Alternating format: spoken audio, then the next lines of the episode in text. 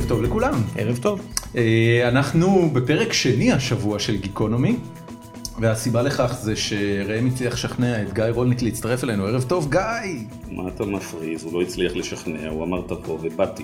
לא, אבל הוא אמר, הוא, אמר לי, הוא אמר לי בהתחלה שכשרק התחלנו, אני יודע שהוא רצה להביא אותך כבר בפרק הראשון, אבל כשרק התחלנו... אבל אני רק רוצה for the record להגיד שזה היה קל להביא אותי. זה נכון, זה נכון. כן. העובדה, שזה פרק 6 ולא פרק 60, חשבנו שייקח 60 פרקים להביא אותך. אה, ממש אה, אה, מילה קטנה לפני שאנחנו נתחיל, כל הפרקים של גיקונומי והעובדה שאנחנו בכלל יכולים להקליט את הדבר הזה זה תודות לסטארט-אפ שלנו הפי סייל, אפליקציה למכירות יד שנייה, אה, מאוד קלה לתפעול, מי שמקשיב לנו אה, מהפרקים האחרונים ועדיין לא הוריד אותה זה ממש חטא איום ונורא, תעצרו כבר עכשיו ותורידו את זה. ואני חושב שטל אחרי זה הורידה והצליחה למצוא לעצמה מקרר, אתה יודע? זה פנטסטי. זה באמת פנטסטי. יופי. אז עד כאן החסות. גיא רולניק, מה שלומך? שלומי מצוין. כן? כן, הטור אולי אני- למחר כבר אולי- מוכן? אולי אני אצא מפה עם מקרר. הטור למחר כבר מוכן? הטור למחר ירד לפני שלוש שעות לדפוס, ו... מתי כתבת אותו? כת- זה- כתבתי אותו אתמול עד שתיים לפנות בוקר. כמה הוא קשור למה שקורה כרגע בחברת חשמל?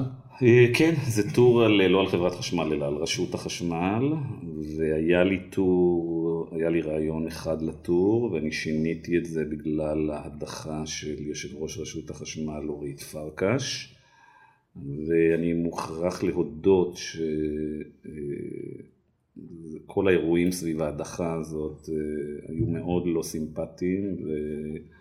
בדרך כלל אני כותב את, הטור במצב רוח יותר טוב ממה שהיה לי. אה, אה, זה. ממש הרס לך את היום?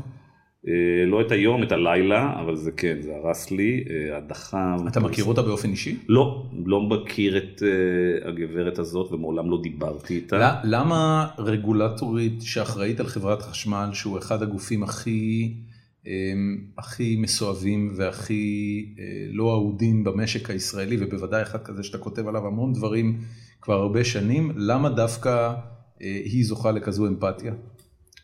זוכה, אני לא חושב שזה עניין של אמפתיה. הסיבה שאני רואה בהדחה שלה דבר מאוד אה, חמור, היא בגלל הסיבות מאחורי ההדחה שלה אה, ספציפית והדרך שבה זה נעשה. תראו, אה, תמיד יש את הוויכוח אה, בעולם המדיניות הציבורית, הוא מי צריך אה, אה, לקבל את ההחלטות, האם זה הדרג הפוליטי, נכון. או הדרג אה, המבצע, הדרג המקצועי, הדרג של הרגולטורים, וזה אה, ויכוח שאפשר לדבר עליו אה, בלי סוף, אם יהיה זמן אולי נדבר על זה ב, אה, אה, בהמשך. אני חושב שהוא עדיין לא מבין כמה זמן יש לו. כן, יש, לו, יש לנו זמן, תרגיש חופשי, אתה יכול חופשי. לדבר על מה שאתה רוצה. כן, הוא רגיל למסגרת מצומצמת לא, של לא, אין, 4,000 זה מילה. לא, זה לא שלוש דקות וזה לא כן. 4,000 מילה, זה תרגיש חופשי. אז, אה, אבל, אבל תכף, תכף נדבר על זה, אבל מה שקרה כאן, אה, מאחורי אה, מסך עשן של כאילו הדיחו אותה בגלל נושא של אה, אה, ויכוחים על, אה, על אה, מדיניות וויכוח על איך אה, אה, לקדם את, אה, את הנושא של מתווה הגז, מה שפה אה, מסתתר מאחורי העניין הזה זה משהו הרבה יותר אה, ברוטלי ופשוט. אה, הרגולטורית הזאת אה, אה, לא הסכימה להתיישר עם, אה, עם אה, ראש הממשלה ועם האנשים שמובילים את אה, מתווה הגז. הרגולטורית הזאת הציגה אה, בחודשים האחרונים, בשנה האחרונה, אה, נתונים על מה שקורה בשוק האנרגיה, במשק האנרגיה בישראל, וספציפית על, על נושא הגז שאיש לא אהב. היא זאת שהזמינה את חוות הדעת החיצונית מחברת ייעוץ איטלקית אה, שעשתה השוואה אה, בינלאומית של הרגולציה בתחום הגז בישראל בהשוואה לעולם, אה, של המחירים שאנחנו לוקחים כאן. זה, היא עשתה את זה כיוזמה לפרויקט. פרטית? אף אחד לא... אף אחד לא לא, זה לא יוזמה פרטית, זה רשות החשמל עשתה את זה, והרבה אוקיי. מהנתונים והרעיונות שיצאו מרשות החשמל בשנה האחרונה הביכו את כל שאר השחקנים שפעלו כאן, ובראשם משרד ראש הממשלה, אבל לא רק, ראש הממשלה. ולמעשה ראש הממשלה ושר האנרגיה החליטו שהם לא רוצים שהקול שלה, קול שמפקפק בנושא מתווה הגז יישמע. וגרוע מזה, הם גם בדרך שבה בוצעה המהלך, היא לא הודחה כי היא הייתה אבן נגף בקידום התוכנית שלהם. אפשר היה לבצע את התוכנית שלהם, אם היא תבוצע, נדבר על זה בהמשך, אני מקווה שזה לא יקרה, אבל אפשר היה לבצע את זה גם בלי להדיח אותה. היא הודחה כדי לוודא שכולם מבינים שצריך להתיישר. והיא הודחה לדעתי כדי לשלוח איתות לשאר השחקנים. מי, מי עוד עומד בנגף? צריך לומר שזה גם הדחה שנייה, כי כשביבי נכנס גם מנכ"ל משרד התקשורת. נכון. הוא עף כן. מתפקידו מיד. כן, ולמעשה גם יצרו סיטואציה, שם זה היה יותר מורכב, ויצרו גם סיטואציה שאילצה את הממונה על ההגבלים העסקיים להתפטר. בכל אופן, הקומבינציה של הדברים האלה, והעיתוי, והדרך שבה זה נעשה, והדרך הברוטלית שבה זה נעשה, והעובדה שזה נעשה למרות מחאות של המשנה ליועץ המשפטי לממשלה, אבי ליכט, שאמר שבעצם אי אפשר להדיח את זה, וזה נעשה בצורה לא חוקית, וזה שבכל זאת התעקשו על זה, זה הכל משדר דברים מאוד מאוד מטרידים ולא נעימים. אני חייב אבל רגע לשאול, הרי אתה יודע, במקרה אתמול מצאתי את עצמי מתווכח עם מישהו על, על המעורבות של נתניהו, כן או לא הצביע בעד ההתנתקות, ואני נזכר בנושא ההתנתקות, ואני נזכר באמירה של רבין בזמנו, שה, שאם יחליטו לפנות יישובים אז המתנחלים יכולים להסתובב כמו פרופלורים, ואנחנו במידה מסוימת מצפים מהממשלה שלנו למשול, מה שנתניהו אמר בישיבה בתור תגובת נגד, שהוא לא מוכן שרגולטור יכתיב לו את ההתנהלות, ובסופו של דבר מישהו צריך לקבל החלטות, לחתוך ולזוז קדימה. כן, זה פשוט לא נכון כל מה שאמרת, למה? או. כי למה הדבר, אני מחייך. למה הדבר דומה? לזה שנתניהו יבוא וייתן הסברים ויגיד, תשמעו, מה שהגברת אומרת על התשואה של הפרויקט, על התחרות בפרויקט, השורה של הדברים שהיא אמרה, הם אינם נכונים, כי 1, 2, 3, האסטרטגיה שלנו בשוק האנרגיה היא 1, 2, 3, והיה מתנהל על זה דיון. לא התנהל על זה דיון. אני רוצה כן. להזכירך, רצנו קצת מהר על המתווה הגז, בוא, בוא, אני רוצה להזכיר לך את האירועים שהיו פה. לפני uh, כחמישה או שישה uh, שבועות. הביאו את זה לכנסת. הביאו את זה, הביאו את זה לממשלה, נכון. הביאו את זה כדי לעקוף דיון נכון, בממשלה, נכון, נכון, הביאו נכון. את זה לקבינט המדיני-ביטחוני. כן. ולמעשה במועד שבו הדבר הזה הובא לקבינט המדיני-ביטחוני, הציבור, חברי הכנסת והשרים לא ידעו שום לא דבר. נכון. יתרה מזאת, כל, אני מנחש שרוב מה ששניכם יודעים על מתווה הגז זה מדברים שפורסמו בחודש האחרון, אחרי שהדבר הזה נפל בדקה ה-90 באותה אה, הצבעה נכון. אה, בכנסת.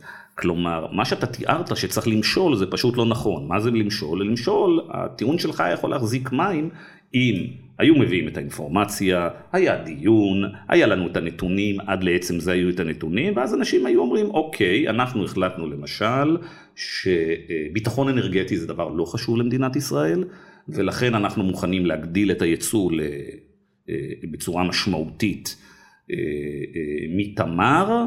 ו, והגז כנראה יספיק רק ל-X שנים ולא לשני X שנים, וזאת המדיניות שלנו, ולא אכפת, ו, ו, והיא שונה מהמדיניות שנניח ומהרעיונות שיש למישהו אחר. זה לא היה הדבר הזה. אנחנו כל יום, למעשה גם כשאנחנו יושבים כאן ומדברים, אנחנו לא יודעים, אנחנו כל הזמן לומדים דברים חדשים על המתווה הזה, על זה שהגדילו משמעותית את האפשרות לייצא, על הפטורים ממס שנתנו שם, על הניכויים ממס שנתנו שם, על הסיפור הזה שרוצים למכור, אה, אה, לייצא לאותה אה, חברה שיש לה את מתקן ההנזלה במצרים, על זה שחוזרים מהדברים של ועדת צמח. ועוד דבר מדהים, אנחנו כל הזמן אומרים, מספרים לנו את הסיפור של, תראו, אתם יכולים להיות רגועים לגבי המחיר היקר, לגבי המונופול, לגבי כל התהליך, תזכרו אבל ש-60% מה, מהתקבולים חוזרים למשלם המיסים, והנה אנחנו מגלים שגם זה לא נכון. פרסמנו אתמול או שלשום במרקר, שהאומדנים החדשים של משרד האוצר לגבי התקבולים במס נמוכים בחצי עד כדי שליש ממה שאמרו, כלומר אין פה רגע, רגע, שום... אבל זה, זה בגלל אה, שה-60% לא מחזיק, או פשוט שמחירי ה-60 הגז אחוז לא יורדים? נכון, ה-60 אחוז לא נכון, לא, לא, זה לא, לא בגלל ירידת מחירי הגז, ה-60 אחוז הוא פשוט לא נכון, הנתונים מה כן האלה. נכון? אם, אם אתה מחשב, אם אני לא אתה- יודע עדיין להגיד לך את המספר המדויק, כנראה שזה יותר קרוב ל-40 אחוז מכל מיני אה, סיבות, אבל דבר אחד ברור, כל הנתונים, מה הדבר ש- נורא, ששינסקי 2 לא קבע? שישינסקי 1, שישינסקי 1, סליחה, לא קבע 60 אחוז? כן, אבל אה, איך אפשר לסגת מזה? אפשר, כי, השיש, כי הש, קודם כל השישינסקי קבע שזה 60 אחוז בקצה. ולא מחר, אה, וזה מתחיל בשיעורים יותר אה, נמוכים, בסוף זה נכון, מגיע ל... נכון, הבנתי גם שההכנסות נדחו עד כן, 2019. ואחר כך, 2019, ואחר, כך, משהו. ואחר כך שישינסקי נדחה, ועכשיו מתברר שמסתכלים בתוך התחזיות שמופיעות בתוך הדוחות הכספיים של, של, של שותפויות אה, הגז, פתאום רואים שהמספרים שם שונים מהמספרים שהיו כל הזמן, ורואים תופעה, אחד האינדיקטורים המדהימים לסיפור הזה היה הדבר הבא. כל פעם שהיה דיון בכנסת או במקומות אחרים וגם בכלי התקשורת על הנושא הזה, אז אה, המנהלים והלוביסטים ועורכי הדין של חברות הגז אמרו כל הזמן, על פי נתוני בנק ישראל זה יהיה 60 אחוז. עכשיו זה העלה אצלי ואצל אחרים חשד, למה חברות הגז שהם יש, שזה- לא, שלהם יש את כל הנתונים, הם מקור הנתונים העיקרי, הם יודעות לעשות את החישובים, כל הזמן אומרות לפי נתוני בנק ישראל. והסיבה היא כנראה, וזה מה שאנחנו רואים היום, שבנתוני בנק, בנק ישראל כנראה עשה חישוב שגוי בצורה קיצונית, והם פשוט השתמשו בזה כדי להראות את ה-60% הזה, שהוא כנראה הרבה יותר, אה, הרבה יותר אה, אה, נמוך. בכל אופן חזרה זו הייתה תשובה מאוד ארוכה, ושכחנו את השאלה. לא, זה אה, בסדר, אנחנו זורמים כן, מנושא לנושא. זה לגמרי בסדר, זה כן, עדיין אז מרתק. השורה התחתונה היא כאן, זה שלא שבאמת היה כאן איזה, אה, הציגו לציבור כאן שתי, כמה חלופות. אוקיי. ואמרו, יש נושא של מחיר, יש נושא של תחרות, יש נושא של ביטחון אנרגטי, יש נושא של פיתוח לוויתן, ככה וככה וככה וככה, ראש הממשלה חושב X, ורשות החשמל חושבת Y. כל הדבר הזה לא היה, אה, אה, לא היה אה, קיים. ההדחה הזאת אמרה, אנחנו לא רוצים את הרעשי רקע האלה, אנחנו לא רוצים שמישהו יעלה שאלות, ולכן היא מאוד מאוד מטרידה. וגם לפעמים אתה יכול ללמוד מהאופן, על דברים ש... מהאופן שדברים מבוצעים, גם על המוטיבציה שלהם. היה אפשר לעשות את זה, אה, הסיבה שרצו לעשות את זה כל כך מהר ובצורה כל כך אה, אה, ברוטלית, כנראה שיש לזה סיבות. אתה אתה מראה לי, ראם אה, מראה לי פה את הטלפון וכתוב עליו אה, ידיעה מדה מרקר זה מהיום? זה מעכשיו. מעכשיו, לא. שמחירי החשמל יורדים 20 דקות. ב-7 אחוז. אה, כן, אני ראיתי את מה זה. זה, זה הסוכריה שמוכיחה שהרגולטור הוא איום ונורא ואנחנו רק חיכינו שהוא יתחפף לא. כדי להוריד את המחיר? לא, אני לא, אני לא יודע לתת לך על זה אה. אה, תשובה, אני, אבל... אתה יודע משהו, אני, כן. אני כן רוצה לשאול אותך משהו. אה, אני אה, אה, חבר בקבוצה שנקראת הליכודניקים החדשים, ושטייניץ בא אה, לאיזה מפגש איתנו בשבוע שעבר. ראם, לא סיפרת לי שיהיו פה ליכודניקים הערב. אני שמרתי אתה עוד רואה הפתעה. מה זה? אוקיי. אתה כן, רואה מה זה? זה אמ, ו- אבל אני מהצד של ריבלין, אז אני כאילו אמור להיות בסדר. כן, אמ, בקיצור, הוא גיס חמישי בליכוד. אל תגיד את זה, זה לא נכון. סבא שלי היה בגיניסט מושבע. בקיצור, כן. אני רוצה לשאול אותך אבל שאלה כזאת. האם אה, בסיטואציה הזאת, שיש לך מצד אחד ממשלה שרוצה לסגור עסקה עם חברה מסחרית, להלן נובל אנרג'י, וכל הקולות האופוזיציוניים שאנחנו שומעים בוקר וערב, ושאתה יודע, אנשים הרבה יותר אינטליגנטים ממני לא יודעים את כל הפרטים עליהם, האם לדעתך יש בנמצא עסקה טובה שאפשר לסגור? יפה, אז הרמת לי להנחתה. מישהו תשמע, מחייך. אה, אתה אמרת צריך לסגור פה עסקה מסחרית, פה מתחילה כל הטעות. זה לא? אנחנו בכלל לא עוסקים בלסגור עסקה מסחרית. תסביר. אנחנו עוסקים, זאת בדיוק הטעות שעולה מהדרך שבה ראש הממשלה ואנשיו מנהלים את כל האירוע הזה. אנחנו לא עוסקים פה בסגירה, זה אנחנו הריבון, אנחנו הממשלה, אנחנו עוסקים בהסדרת משק האנרגיה. בכל מקום בעולם שבו התגלו אה, תגליות גז או נפט משמעותיות, הלכו הממשלות, לפעמים מהר יותר, לפעמים מהר פחות, והסדירו מחדש את כל מערכות היחסים ואת כל הנושאים הפיסקליים ואת כל הנושאים במשק האנרגיה, וזה מה שממשלת ישראל צריכה לעשות. לא היה פה תגליות גז ונפט במשך שנים, נכון. עכשיו יש פה, לא היינו ערוכים לזה. בעבר ניסינו להעלות את המיסוי בנושא הזה והלוביסטים של חברות הגז בלמו את זה. עכשיו הגענו למצב שיש פה כמויות מאוד גדולות של, של גז והממשלה צריכה להסדיר את הדבר הזה לטובת אזרחי מדינת ישראל. היא לא מנהלת משא ומתן עם החברה הזאת. אנחנו קודם כל קובעים איך אנחנו רוצים לפי האינטרסים שלנו, לא לפי האינטרסים של חברות הנפט, איך אנחנו רוצים שייראה כאן שוק הגז. אוקיי. כל ה framing של הנושא הזה, כאילו שאנחנו מנהלים כאן משא ומתן עם חברה מסחרית, הוא שגוי. אנחנו קודם כל מחליטים איזה משק אנרגיה אנחנו רוצים לעשות. מה האופציות? השלב, שנייה אחת, השלב הבא אנחנו יכולים להגיד אוקיי, אנחנו יודעים איזה משק אנרגיה אנחנו רוצים לעשות, אנחנו יודעים האם אנחנו רוצים לשמור את הגז הזה לדורות הבאים, או שאנחנו רוצים...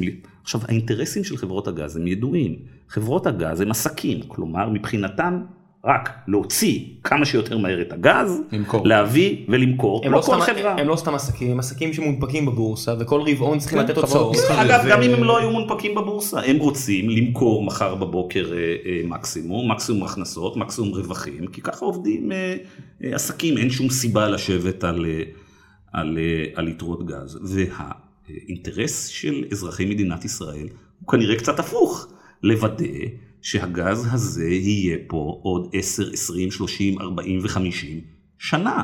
האינטרס הוא הפוך. לכן, לבוא ולהתחיל לנהל איתם משא ומתן זה לא רעיון, קודם כל אנחנו צריכים להחליט מה המדיניות האסטרטגיה שלנו. בוא נשאל רגע למה מה שאמרת הרגע לגבי זה שהאינטרס הוא הפוך, הוא באמת נכון. ואני אני אתן אה, שתי דוגמאות. דוגמה ראשונה, ההתחייבויות של מדינת ישראל נמצאות היום במקום לדעתי הכי גרוע מאז קום המדינה, מבחינת החוב שלנו, יתרות החוב של מדינת ישראל. הכי טוב, הכי טוב? נכון. ליכודניקים, איך קוראים לזה? ליכודניקים לא, אין לי. מושג. אני לא לא מייצג קבוצה, בוא נדבר על מה ההבדלים. לא, זה. סתם היה, אני דוקר אה, אותך. בסדר. בוא נדבר על מה. ההבדלים, דורון, אתה מדבר על נגיד... לא, לא, אבל בוא נמשיך עם מה שהוא שנייה, אמר. שנייה, רגע, רגע, רגע, רגע. אה. דורון, אתה מדבר על חובות אולי פנסיונים? לא, לא, לא, לא, לא, רגע, זה, הדבר השני שרציתי להגיד. הדבר הראשון שרציתי להגיד זה הנושא של אה, אה, המאזן, אה, החוב של מדינת ישראל. הדבר השני, מאזן החוב של מדינת ישראל, בוא ניתן לך כמה נתונים. רגע, רגע, תכף. כן. הדבר השני שרציתי לציין זה באמת את, אה, הבור הפנסיוני ההולך וגדל, כן. האקטוארי, שמדברים. על זה שעד שנה X, אני לא זוכר. בדיוק איזה. הוא הולך ויגדל ואז הוא ילך ויקטן. זאת אומרת, כן. בתחושה האישית שלי יכול להיות, ו, והדבר השלישי זה שמחירי הגז אה, בירידה. כן. עכשיו, אם אתה סוכם את שלושת הדברים האלה, יכול להיות שבאמת לטובת הציבור, מקסום התועלת של אותם מאגרים, הוא באמת להוציא את הכל לא, עכשיו. לא, אוקיי. אז עכשיו פרק דבר לי את זה בבקשה. דבר. דבור על אופניו. קודם כל נתחיל מזה, נתחיל מהשאלה מדוע אה, דורון שמתעניין בנושא אה, אה, כלכלה וכספים, סבור שמצב החוב של מדינת ישראל הוא הגרוע יותר מאי פעם. האמת שהדבר היחידי שאני זוכר בעניין הזה זה שבשבוע האחרון קראתי באיזשהו מקום, יכול להיות אפילו בדה מרקר, שהריבית שמדינת ישראל משלמת על החוב שלה נמצאת במקום גרוע כמו אירלנד וספרד.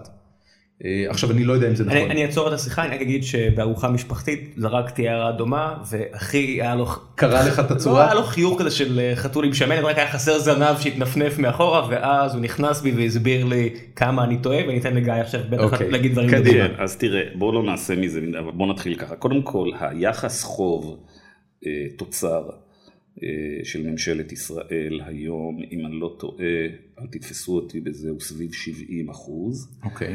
אה, זה המקום הטוב ביותר שאנחנו נמצאים בו מאז שאני זוכר אה, את עצמי, מאז שאני בענייני אה, כלכלה. בואו רק ניתן דוגמאות אה, מהעולם, יפן אתן. 200 אחוז, ו... לא, יפן זה קצת, אתה כמו שטייניץ, מיד נותן דוגמאות יפן. כן, אני אוהב את יפן. משטייניץ את הוא התרגילים גם האלה. גדל בבית של ליכודניקים? אל תראה אותו ככה. יפה, מיד שטייניץ יפן. אבא שלו חבר אתה מבין, מרכז. יפן זה המקום הכי גבוה בעולם, אז הוא נותן את יפן. זה נכון. אוקיי, אוקיי. בסדר, אז לא. אז נניח הממוצע של ה...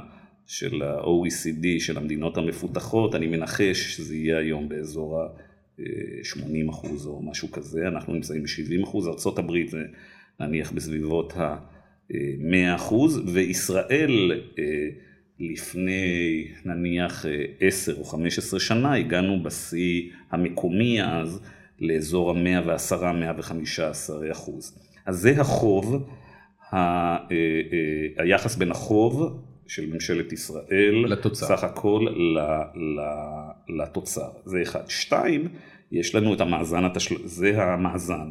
אחר כך יש לנו את מאזן התשלומים.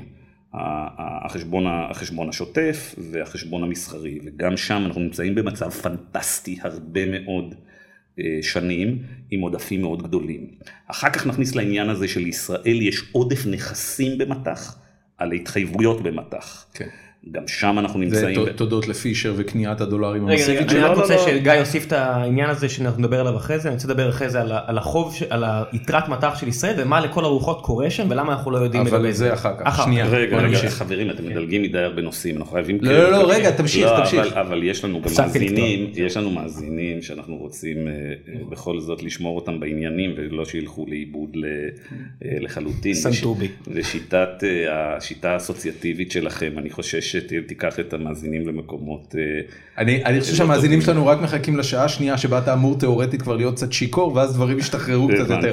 אבל בוא, אוקיי. בוא, אני באמת רוצה, אתה- ש- אם ש- אני מבין אותך מצבנו, שיכור- שיכור מפפסי מקס? אז זהו, ראם היה אמור לשים שם בקרדי אבל הוא לא שם. הבנתי. אוקיי. השתפנתי. אוקיי. אמ, אתה אומר מצבנו המקרו-כלכלי הוא רגע שנייה, פנטסטי. עברנו אחד, עברנו את כל המאזן, ואנחנו ראינו שבניגוד למה שאמרת, מצבנו טוב, זה. אחד.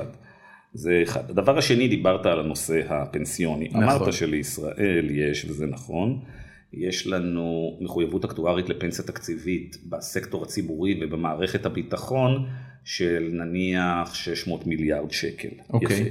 הדבר הזה הוא דבר לא חדש בכלל, ואנחנו רואים את זה גדל אה, משנה לשנה. עכשיו בוא נסתכל רגע על, ה, על, ה, על הנתונים האלה. מה בעצם, ממה, ממה גדלה המחויבות האקטוארית לפנסיה תקציבית? היא נובעת מכמה סיבות. הסיבה הראשונה היא שאנחנו חלקים גדולים מדי בעובדים בסקטור הציבורי, לא העברנו אותם לפנסיה צוברת ושמרנו אותם בפנסיה נכון. אה, תקציבית. יש יתרונות לפנסיה תקציבית ויש חסרונות לפנסיה תקציבית. אני מדבר מבחינת מקרו, לא מבחינת העובד. מבחינת העובד יש רק יתרונות. והחיסרון של הדבר הזה הוא שאתה לא עושה הפרשה בגינו, אתה פשוט רושם ואתה מגדיל את, ה, את, ה, את החוב, וקל מאוד חוב העתידי שלך. כן, החוב הנוכחי שלך, לא העתידי שלך. ואתה, ואתה, זה מאוד מפתה, כיוון שאתה לא צריך להפריש על הדבר הזה שום דבר, אתה רק רושם אותו איפשהו בדוח אה, של החשב, בדוח של, ה, של הממשלה, בדוח הכללי, אתה רושם אותו. עכשיו בוא נסתכל רגע על הגז שלך, ונראה שמה שאמרת הוא נכון, רק הפוך. מה זה אומר? זה אומר שאם אנחנו נעשה באמת בשיטה שאתה מציע לנו, שנלך מחר בבוקר ונעשה, נמכור מקסימום גז, כדי שנוכל לגבות מקסימום מיסים מחר בבוקר, כלומר נמכור את מה שהיינו פעם, שהיינו קטנים, היו אומרים למכור את הסילברוויר, את, ה, את, את, את, את צלחות הכסף, נמכור את התכשיטים של זה מחר בבוקר, כמובן שהפיתוי של הפוליטיקאים יהיה הרבה הרבה יותר גדול, לא לטפל בבעיות התקציביות, המבניות של מדינת ישראל, כי יש לנו, אה, אה, כי יש לנו את ה... את ה זכינו בפיס. זכ... את- את- זכינו בפיס וכן הלאה. לכן זה, זה דווקא סיבה לעשות בדיוק את הדבר ההפוך. עכשיו הדבר השלישי, אתה אומר מחירי הגז. אני חושב, הנושא, הנושא של המחירים של הגז הוא, לכאורה, אם היינו, היה לנו הרבה מאוד גז, מעבר, היינו סעודיה, או היינו מדינה עם הרבה מאוד גז ונפט, היינו אומרים, אנחנו צריכים לנהל פה את ההכנסות אה, אה, אה, שלנו, ואם יש לנו תחזיות, אגב, לתת תחזיות על הדברים האלה זה מגוחך, כל התחזיות האלה הרי זה כמו תחזיות על שוק למה, המטח. אתה לא- אתה לא חושב שזה סביר עם עם כל רגע הכסף? שנייה, אבל תן לי לסיים. כן, אבל- דור ענק, כן, כן, וגם- אבל אני אומר, אנחנו, כ- או, אני אסיים את המשפט, אני אומר, אנחנו לא מדינה שיש לה עודף של, אה, של, של אה, יתרות אה, נפט וגז, שאנחנו עכשיו יכולים לשבת כמו הסעודים או האיראנים, ולהתחיל להגיד, כדאי למכור היום, כדאי למכור מחר. אנחנו יודעים שאנחנו צריכים את כל, הדבר, את כל הדברים האלה. כלומר, לבוא ולהגיד, בוא מהר נמכור, מהר נביא הכנסות, מהר יהיו לנו הכנסות תקבולים כדי לממן את הגירעון השוטף, וכן הלאה וכן הלאה, זה טעות אסטרטגית. מדינת ישראל היא לא מדינה רגילה. אנחנו נמצאים, זה לא מצב שבו אה, מחר בבוקר קל לנו להביא אה, גז ממקום אחר, אין לנו הרבה שכנים שאנחנו יכולים מחר להגיד אין בעיה, פותחים צינור, כלומר אנחנו אה, צריכים לקחת בחשבון, העניין של הביטחון אנרגטי הוא דבר קריטי למדינת ישראל, וללכת להגיד עכשיו בגלל שמחיר הגז ירד בשנה האחרונה מזה לזה בוא נתחיל למכור, זה הכל סיפורים של חברות הגז שרוצים לבלבל את הציבור. רגע דורון תן לי רגע להוסיף הערה, okay. אם אתה כל כך בטוח, נגיד זה לא אתה, זה שטייניץ שמזהיר הגז יתמוטט, אם אתה כזה חכם, יש לך יתרות מטח 90 מיליארד, תקנה, תקנה שורט. אם אתה בטוח בוודאות גדולה כל כך שמחירי הגז יתמוטטו, תקנה שורט. אני לא יודע אם שטייניץ יש לו את המנדט לא לעשות שורטים על יתרות המטח. אני, אני בכלל לא חושב שהם שם, אני חושב שהנימוק הזה, זה כל פעם ממציאים איזה נימוקים אחרים. אז מה אתה חושב כן קורה פה? סתם רגולטורים מפעילים לחץ על פוליטיקאים ופוליטיקאים עושים מה שהם אומרים? לא, לא, לא, כל עניין טובת הציבור נעלם? לא, לא, לא, לא, לא, בואו תראו. כאשר רגולטור עושה את הדבר שסוטה מהרווחה של הציבור הכולל, יכולות להיות לזה הרבה מאוד סיבות.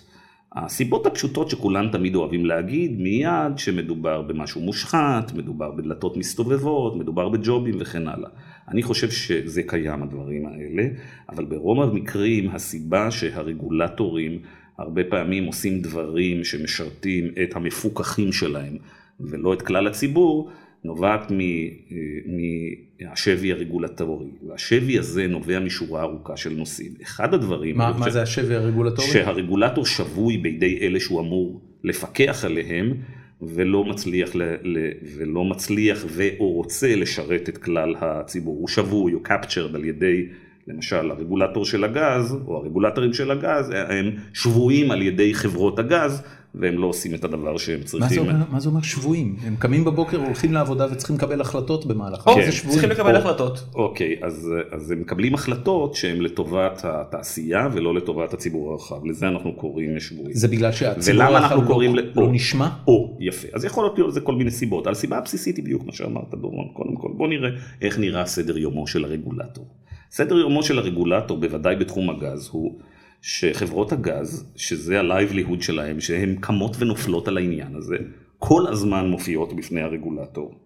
עם כל הנתונים למה הרגולטור טועה, ולמה הם צריכים ללכת לקראתו, ולמה הם צריכים לאפשר ייצוא, ולמה הם צריכים מחיר יותר יקר, ולמה הם צריכים פטור ממס, ולמה שינויים בטכנולוגיים הם כאלה, ולמה ולמה ולמה, חוף, יפה אמרת יפה, הם חופרים לו כל הזמן. עכשיו, החפירה שלהם, יש לה כוח עצום. למה החפירה שלהם יש לה אה, כוח עצום? כי ברוב המקרים יש אסימטריה אדירה של אינפורמציה. מה זה אומר? זה אומר שהמידע הטוב ביותר, העמוק ביותר, העדכני ביותר, מצוי בידי החברות, בידי התעשייה ובלא הרגולטור. זו הגדרה של עסקה לא הוגנת דרך אגב. אם תיקח את ההגדרה הכלכלית הקלאסית של מה זו עסקה הוגנת, שיש מידע סימטרי. אינפורמציה לא שווה. כן, אבל, לא אבל אי אפשר להגיד שהדבר הזה הוא... לא הוגן. למה? כי זה שהרגולטורים הישראלים ספציפית יש להם מעט מידע יחסית על הגז, אי אפשר להאשים בזה את חברות הגז. תעשיית הגז בישראל היא מאוד מאוד כן. אה, צעירה. לא תמיד אפשר להאשים מישהו. אין לנו, אין לנו, אה, אה, אין לנו פה כמות מאוד גדולה של אנשים שיש להם רקע בתחום הזה, ידע בתחום הזה, ניסיון בתחום הזה, זה פעם ראשונה שהרגולטורים במדינת ישראל מתמודדים עם חברות אה, גז. למה לא, הם לא חוו את זה במפעלי ים המלח ובעוד כל מיני מקומות שיש מקצבים? כן, אבל, אבל, אבל אשלג זה לא גז, זה כלכלה אחרת לחלוטין, אי אפשר להשוות בין הדברים. יש נושאים ש... יש נושאים של תשואה על ההון וכן הלאה ופיקוח על מחירים שחלים, שרלוונטיים להרבה מאוד מקומות, אבל אי אפשר להשוות אשלג ל... אי אפשר להשוות אשלג לגז, במדינת ישראל לא היה גז ולא היה נפט אה, הרבה מאוד, אה, הרבה מאוד שנים. אז הסיבה הראשונה זאת האסימטריה של אינפורמציה שדיברנו. עכשיו שימו לב מה קורה שרגולטור רוצה נניח לעשות את עבודתו היטב. הוא יודע שהוא צריך אינפורמציה. המקור הטוב ביותר לקבל אינפורמציה ולהבין מה קורה זה המפוקח. נכון. כלומר הרגולטור תלוי במפוקח לאינפורמציה שלו. עכשיו תגיד לי אתה. רגולטורים בעולם לא מזמינים מחקרים בלתי תלויים? הם מזמינים מחקרים בלתי תלויים. קורה, אתה יודע. אתה מזמין מחקר, עכשיו אני מבין את תפקידו של ראם כאן. כן, ראם הוא על תקן ה... כן. אז הם מזמינים, אוקיי, אבל קודם כל, לא תמיד, זה גם שאלה של ממי הם מזמינים ואיך הם מזמינים, תכף ניכנס לשאלה הזאת, אבל מה שהרבה יותר חשוב הוא שתמיד לתעשייה יש יתרון אדיר במידע נכון. על הרגולטור. עכשיו, בגלל שיש יתרון אדיר במידע, אז uh, תנחש איזה מידע מעבירה התעשייה לרגולטור. עכשיו, הרגולטור חשוב לו לקבל את המידע הזאת, בין השאר, כי הוא לא רוצה שיהיה לו פדיחות. הוא לא רוצה להיתפס טמבל, הוא לא רוצה להיתפס לא מוכן, פתאום יציגו, ילבינו את... Uh, ילבינו את פניו. זה סוג כבר של שבי שאתה רואה, כיוון שהרגולטור תלוי בתעשייה כן. לקבל. זה שבי אחד, עכשיו בוא נראה עוד שבי. בוא נניח שהרגולטור חולף זמן, והרגולטור שלנו מפתח מומחיות בתחום הגז. עכשיו בוא נחשוב איך נראה יומו של מומחה בתחום הגז. לאיזה כנסים הוא הולך, איזה אנשים אה, אה, הוא פוגש, מי עם קבוצת ההתייחסות שלו. מהר מאוד אתה מבין שקבוצת ההתייחסות בדרך כלל של מי שמפקח על בנקים זה בנקאים, ומי שמפתח על גז זה אנשי תעשיות גז, כלומר יש לך דבר שקוראים לו שבי אינטלקטואלי, או תרבותי, או סוציולוגי חברתי. מהר מאוד אתה הופך לראות את עצמך כחלק מה, מהתעשייה הזאת, ואתה מתחיל לראות את התעשייה, אתה מתחיל לראות את העולם דרך, אתה מתחיל לראות את העולם דרך העיניים של התעשייה, והרבה פעמים אתה רואה שרגולטורים מתבלבלים והם חושבים שמבלבלים בין טובת התעשייה לטובת הציבור ורואים בזה כחד, כדבר, כדבר אחד. כלומר, יש הרבה מאוד מנגנונים, או, אתן לכם עוד דוגמה לשבי. כמו שאנחנו יודעים, החברות לומדות את הרגולטור והרבה פעמים הן אומרות, אוקיי, בוא ניקח רגולטורים שמסיימים את תפקידם, שיבואו לעבוד אצלנו. אז בוא נשאיר בצד רגע את העניין של האם יש פה איזה שלח לחמך, או שוחד, או whatever, ובוא נסתכל רק על התופעה שיושב הרגולטור, והוא רואה בחברה שעליה הוא מפקח, שמי שאחראי שם על הרגולציה, ומי שמנהל משא ומתן איתו, לפעמים זה הבוס שלו הקודם. לשעבר. לפעמים זה, כלומר, וזה שוב, זה חברים, אנחנו נפגשים, אנחנו מדברים, יש לנו שפה משותפת, אתה לא מבין, זה לא ככה, מה שרואים מפה לא רואים משם. כלומר, יש הרבה, לכל הדברים האלה קוראים אה, שבי רגולטורי, regulatory capture, יש על זה הרבה מאוד ספרות בעולם. הספרות בעולם היא כל כך מרובה על זה, אגב, שיש אסכולה שלמה. בכלכלה שאפילו טוענת את הדבר הבא, והיא טוענת שלמעשה כל רגולטור בסופו של דבר מגיע למצב שבו את מישהו באמת משרת תמיד זה את התעשייה, ולכן, ולא את הציבור הרחב, ולכן מה שקורה הרבה פעמים שהתעשייה רוצה רגולציה, כי התעשייה יודעת שבסופו של דבר הרגולציה תשרת את מצבה, והרבה פעמים התעשייה משתמשת ברגולציה כדי לחסום מתחרים. אני אתן לכם דוגמה, תן לי שנייה, גיא, לפני שאתה ממשיך, אני אספר לכם איזה אנקדוטה.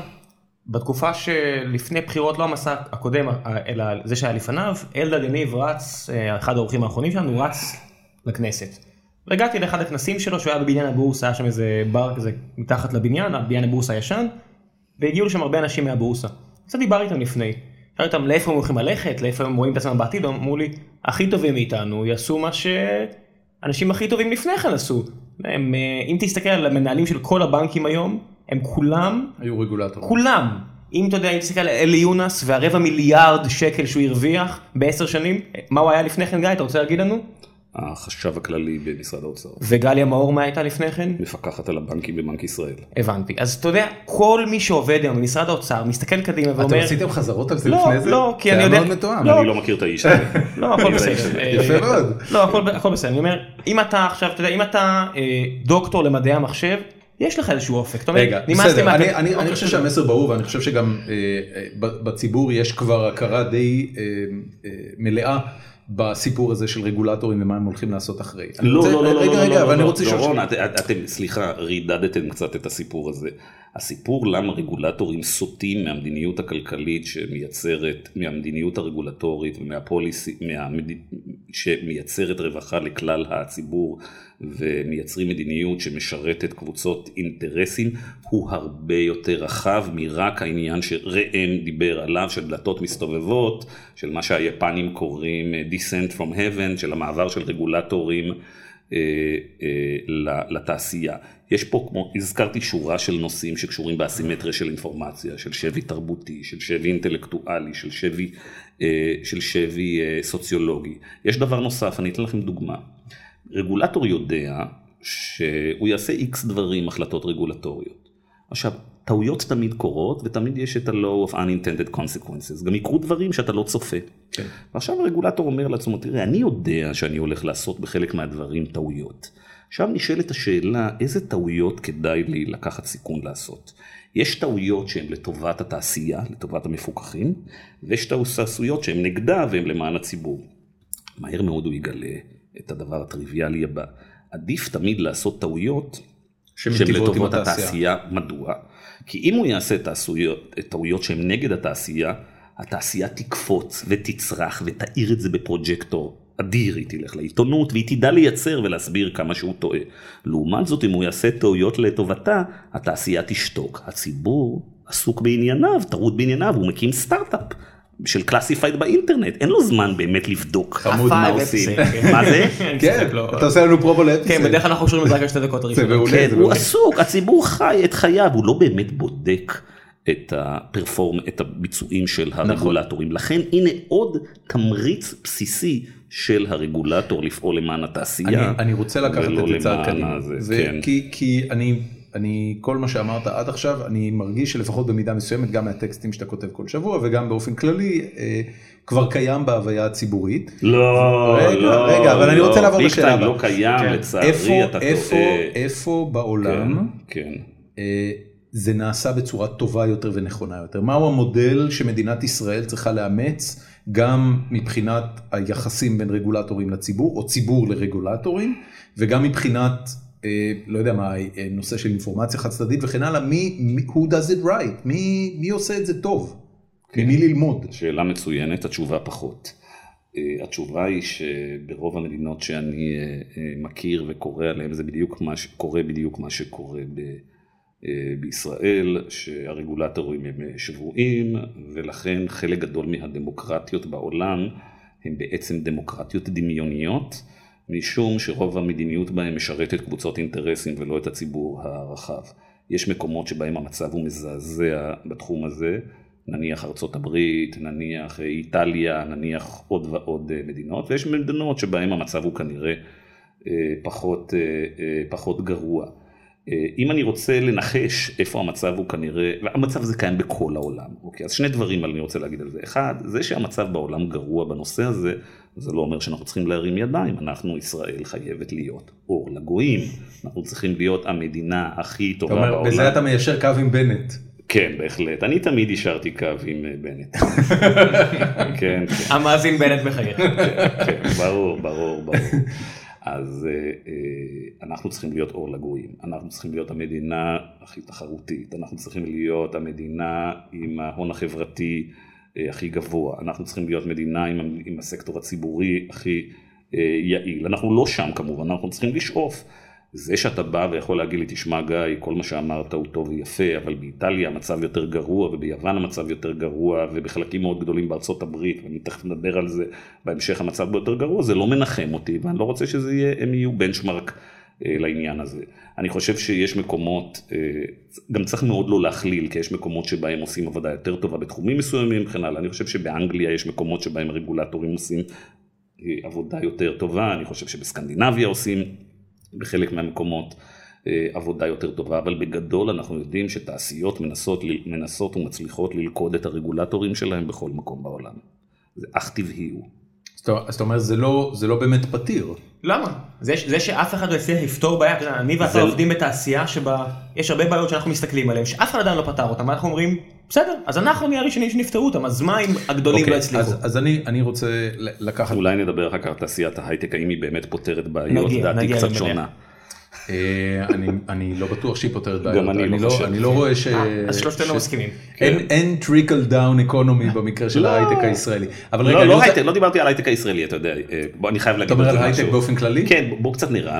אתה לא חושב כן. שלמשל פייסבוק כחברה ותרומתה למעבר אינפורמציה בין אנשים אה, משמעותי לנושא שאנחנו מדברים עליו עכשיו? אתה חושב שמאבק כן, הגז היה נראה יותר טוב או טוב באותה מידה? דורון, אני רוצה לפני שגיא מתחיל, אני כן. רק רוצה לתת כמה דברים. מצד אחד אתה יכול להגיד על מידע, אבל גם חשוב שנגיד ובוא נסכים, אם אני עכשיו מסתכל הצידה ככה במסך שלי, פייסבוק היום שווה, שנייה אחת גיא, אני מצטער על זה, 267 מיליארד דולר.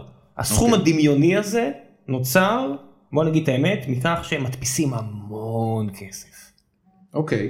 הכסף הזה, יש פה איזשהו משחק סכומי אפס שאני רוצה שגיא ימשיך עליו. העולם לא מחולק שווה בשווה, זה שדטרויד פשטה את הרגל וסטוקטון פשטה את הרגל והרבה ערים בארצות הברית היום אין להם כוחות שיטור ויש דובים ברחובות. יש דובים? יש דובים, יש דובים ברחובות בדטרויד כי העירייה. פשטה את הרגל. אז אתה יודע מה טוב בפייסבוק? יש אבל- סרטונים טובים של הדובים האלה. השאלה- רגע, אבל ראם- שוב, ראם יש לו... ראם- אה, והדובים. ראם ראם והדוב, והדובים, אני לא יודע כן. איך הוא הגיע לדובים, הוא רץ פה לאיזה עשרה נושאים, אני רוצה דבר... וחזרנו. חלב. כן, שנייה אחת רגע, לאט לאט, אתה אמרת דבר הרבה יותר, שאלת שאלה הרבה יותר בסיסית, אה, אה, מרכזית ומדוברת היום. מה המודל הטוב שצריך לכוון אליו? רגע שנייה, אמ- אתן לכם דוגמה שלא, אתה אמרת האם, תראו, אנחנו לעולם לא ננצח את המלחמה הזאת. קבוצות האינטרסים תמיד ינסו ללכוד את הרגולטורים, את הפוליטיקאים, את העיתונאים, את בתי המשפט, you name it. כל מי שיש לו יכולת להעביר, לחוקק חוקים, לקבוע את כללי המשחק ולהעביר משאבים מקבוצה אחת באוכלוסייה לקבוצה אחרת באוכלוסייה, ינסו ללכוד אותו וכל אחד ינסה אה, להשפיע עליו, כולל תעשיית ההייטק שמנסה לעשות את הדברים האלה. זה אחד. עכשיו בוא נגיד, עכשיו אמר, אה, אמרת אתה או אמרת או ראם או שניכם אמרתם, אמרו תראה אבל יש תראה פייסבוק, תראו מה הוא הצליח לעשות, הוא עושה מחאות וכן הלאה. אז בוא נסתכל רגע. לפני uh, כשנה השתתפתי בסדנה די uh, uh, uh, ארוכה uh, בחו"ל בנושא של political campaigns ו-social networks. והיה שם uh, פרופסור מאוד ידוע שעבד בהרבה מאוד חברות והוא דיבר על כל הדברים המופלאים שקורים בשנים האחרונות. סביב קמפיינים אינטרנטיים של גיוס כסף, של... אנחנו מכירים את כל הנושאים האלה, תמיד אומרים אובמה ומוב און וכל הדברים האלה, ובאמת ישבנו שעות ארוכות ודיברנו על כל הנושאים האלה, והיה מאוד מרתק ומאוד נחמד, והרבה דוגמאות והרבה הצלחות, ואיך גייסנו כסף, ואיך הבאנו אנשים, ואיך הבאנו מאות, אה, ואיך הבאנו מיליוני חתימות וזה. ובסוף היום, אחרי שדיברו על כל הדברים האלה, שנגמרה. שאלתי אה, בסבב סיכום ה... סיכום הסדנה הזאת, שאלת, אמרתי לו, אדוני, יש לי שאלה אליך אחד, שאנחנו מסתכלים היום על הדמוקרטיה האמריקאית, שכאילו פייסבוק זה הדברים הכי דרמטיים עושה הרי באמריקה, ואנחנו רואים את השבי של הפוליטיקה האמריקאית בידי הכסף הגדול וקבוצות האינטרסים.